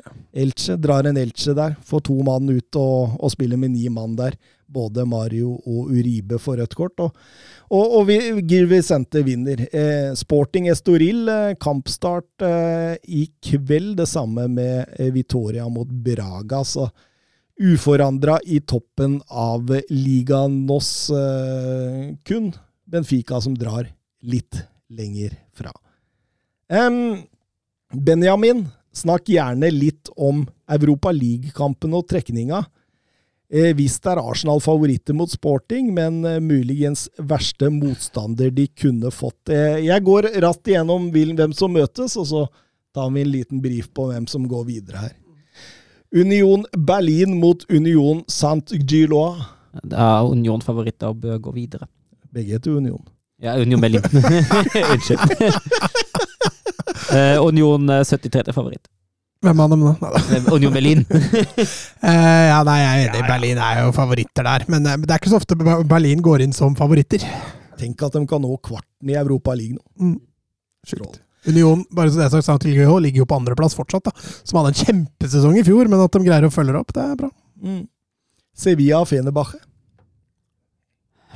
Det, Ja, det, er, det er håpløst å tippe Sevilla, da. Eh, Der er det er- 50-50. Det er åpent. Ja, 50-50, jeg sier det. kanskje, altså hvis, hvis Sevilla klarer å få kvaliteten på banen, da. Ja, men jeg, altså, jeg blir så skeptisk da jeg så det jeg så av Sevilla borte mot PSV. Mm. Altså, De må lede 3-0 fra hjemmeoppgjøret for å ha sjansen til å gå videre, liksom. Det, det... Men de, samtidig kan de fort finne på å gjøre det òg. Ja, men det, ja, det avhenger av helt av hvordan Sevilla Hvem er borte først, vet du det? Eh, Fenebache. Så det første kamp er i Sevilla? Mm. Ja, Vinner Sevilla 3-0, da, så går Sevilla videre. Juventus Freiburg. Vet du hva? Da har jeg faktisk lyst til å holde Freiburg som knepen favoritt. Jeg tror ikke de har kjangs. Knep. Du har lyst til å holde dem som favoritt? Jeg tror ikke de har kjangs. 55-45. Jeg tror ikke de har kjangs. Jeg, altså, det blir ikke stor underholdning. Det blir, Nei, altså, det blir det bare Hold dere unna disse de matchene her. Mm. Men eh, Juventus sikrer det ganske greit, tror jeg. Ja, vanskelig å tippe Freiburg der, altså. Jeg også Nei, jeg, har lyst, jeg har lyst til å tippe Freiburg på Det får du lov til. Ja. Leverkosen Ferencvaros. Ja, da er Leverkosen 80% favoritt, altså. Ja, Det er det. Sporting Arsenal. Ja, Det er Arsenal-favoritter, spør du meg. Eh, Sporting for all del, sikkert ikke noe drømmemotstander. Det var mange enklere lag der, men eh, eh, Kommer an på hvordan Arsenal prioriterer nå, da. Går de inn der med reservelag fordi de skal satse Premier League, så, så er jo Sporting plutselig veldig med. Eh, Kan Arsenals tittelkamp der være medvirkende? Så Ja. så det er vanskelig å gå ut fra. Men hvis Arsenal satser på dette, her, så, så bør Arsenal gå videre. Manchester United Betis. Ja, United er store favoritter. Samme der som Arsenal, egentlig. United begynner jo å lukte litt medaljer nå, så Nesten litt artig vet du, at de to beste laga i Premier League for tida spiller Europaliga. Ja. og Liverpool og Chelsea og sånt er i Champions League. Det er jo, det er jo bakvendtland. Men har de nye reglene i Champions League begynt ennå? Så hvis, Liverpool hvis Chelsea blir nummer ti, så får de allikevel innpass? Nei, for det er fra neste sesong. Ja, jeg tror det. Mm. Eh, Roma mot Real Sociedad. Ja, den, er jo, den kan bli fryktelig fryktelig jevn, den òg. da syns jeg det er veldig vanskelig å tippe en favoritt. Ja, Roma er liksom litt, jeg føler Roma er litt på vei opp, da. Sociedad motsatt. Så jeg holder Roma som en knepen favoritt der. Altså. Og til slutt Sjaktar Feinor. Ja, den, den er vanskelig. Feinor er god form det Ja, det? eh, det er akkurat det. Eh, Jeg syns jo Sjaktar har, en- har en god kvalitet i år, så den, den syns jeg er vanskelig. Og kanskje knepen favoritt Sjaktar. Okay. Mm. Det er noen kule oppgjør. Mm. Og mye, mye som kan bli jevnt, altså. Ja, ja. ja. Eh, Anders Hansen. Har dere lyst til å bare nevne kort om stakkars Southend United? Åh, ja. Det er altså en 117 år gammel klubb som står på konkursenraden. De må ha inn 1,4 millioner pund. Til, til onsdag? Ja. Hvis det ikke blir klubben slått konkurs og bare forsvinner fra tabellen og fra, fra på en måte Alt. Ja. Eh, Klubben ut. Hvordan påvirker det Rexham, tenker jeg da? ja, det, det må jo slette de poenga, tenker jeg, som Ja. de har mot Eller Ja, alle, alle lag mister dem, Ja. så har du tapt mot Southend, så, så tjener du på en måte på jeg det. ikke hvordan Wrexham gjorde det, for håper de har tapt da mot Ja, for det eh, er, mot det er veldig Notts County of Wrexham skiller Ja, seg de, vel har, de, de har spilt 0-0, da. Ja, Rex, Wrexham og Southend? Ja. det er ikke så dumt. Not County ja, og det, det er det jeg driver og finner ut nå. Mats ser selvfølgelig på Rexham Wrexham på Disney Pluss her. Notts Country vant, eh, vant den forrige Ja, så kommer 4-0. Wrexham best ut av det, da. Ja, det sånn men, men, men, men det er jo trist, altså vi som ser på Wrexham da, på, Mm. på Disney Pluss, vi ser jo hvor mye sånne klubber betyr Ja, for lokal Ja. Selvfølgelig. Kjempetrist når sånt uh... Ja, altså, altså, altså, det er jo fram til, uh, fram til eh, korona for, for to år siden, da, fram til koronasesongen der, uh, så var jo Southend 101 år til sammen i, altså i, de, i de øverste fire Mm. divisjonene i England. Og det er fryktelig synd. Det er jo Anders Hansen har vært litt inne på det sjøl i podkasten Blåball, en spesialepisode om Wrexham og Southend som jeg kan, eh, kan anbefale å høre på. Oi, det er Eh, kult, kult. den er, den, er, den er veldig kul, eh, så kan alle anbefale som har lyst til å høre litt mer om det, til å høre deg.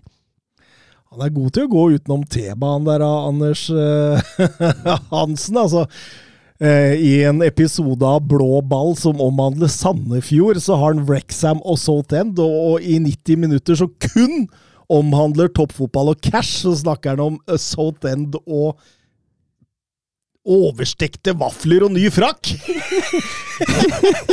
Nei, jeg syns, jeg jeg det er kult. Ja da, ja da. Nei, det, det er morsomt. Eh, Anders Hansen er en, eh, er, er en stødig fyr. Ja, en, eh, en kjernegrei. Men, men, men eh, Her må jo pengesterke folk kjenne sin besøkelsestid, tenkte jeg. Altså, Harry Kane bidro med å holde Laton Orient flytende. Kan det være noen? Noen der? Altså, 1,4 millioner pund! Det er jo knappenåler for Todd Boiley, for eksempel. Hadde de ikke bare altså, Men han får ikke kjøpt Modric til Southend. Men Jeg sier ikke at han skal kjøpe noen, jeg sier at det bare, bare et spons, da. Kall stadion Todd Boiley Arena, så, så, så, så, så får han et større navn i England. Altså Ja, ja, hvorfor 1,4 millioner pund, det er jo ingenting. Altså, det, det kan ikke skje. Kanskje vi i 90 minutter kan begynne med spons? Så kan vi kjøpe Kan vi drive, kan vi drive Southend? Ja, faen, det var deilig 90 minutter med egen klubb. Hæ? Det var morsomt, det. Oi, oi, oi, oi. Nei, vi, får kjøre videre. Anders Hansen han spør om Søren har noen høydepunkter fra banehopperåret. Nok en gang, der han har misforstått! men, men, men nystekte vafler, holdt jeg på å si, og, og kjøp av ny frakk, den liker jeg. Den liker jeg, Søren. Har du, har du blitt Crocs? Har du blitt frakk? Har, Nei, har du fått deg nytt kit? Til, Nei, det, det har jeg ikke. Det har jeg ikke. Jeg har ikke, ikke nytt jeg har faktisk ikke spist vaffel på banehoppetur heller. Nei, det har, vært, det har vært et fint år på banehoppetur så langt. Jeg har sett 15 kamper allerede siden 1. januar. Du er sjuk i huet mann. Men Men det eh, jeg syns er, så- det jeg synes er litt kjipt, er at treningskamper teller på Footballergy-appen. jeg syns det er veldig fint, ja. Ellers hadde, ellers hadde vi sittet i jeg Norge i fem måneder uten å ha mulighet til å se kamp. Altså, nei da, takk. Det, Ja, for du drar på kamp kun for å få huken av på Nei, nei, altså, ja, altså, jeg vil jo ha barn. Den appen har gått i huet på den. Jeg vil jo ha barn, men jeg drar jo også på kamp, for jeg syns det er fint å være på kamp. Jeg synes jo fotball, altså jeg digger jo å få se fotball på TV, men jeg syns fotball er aller, aller best på stadion. Ja, du syns vel det. Men altså, det absolutte, det absolutte høydepunktet av banehopperåret så langt, det var jo turen til Italia, med tre kamper. Du, Eh, du får øl i sofaen, vet du. Det får du ikke på Ja, bare dra til Italia å få øl på nå, vet du. Nei, men eh, altså, de, de tre kamper i Italia, og det er selvfølgelig kronet av, uh, av Milano-derbyet eh, på San Siro. Det, det var det absolutte høydepunktet så langt. Det var helt enormt å få oppleve nytt land for meg òg, i hvert fall som, som barnehopper. Jeg har vært i Italia én gang før. Uten å se kamp, og det, det var altså, jeg, drar gjerne tilbake til Italia for å se fotball. Altså. Det er helt nydelig. Hører du det, Anders? Eh, høydepunktet hans var eh, Milan-Inter, så Slutt med dette! Ja, men altså, nå skal jeg jo si at altså, altså, det var jo fine kamper i Norge Så i Torp, uh, idrettsplass og Vestby Å, Arena. fy faen! Nå, nå gir vi oss, ass! God natt! Ha det. Messi surging forward with real menace here. Brilliant from Messi.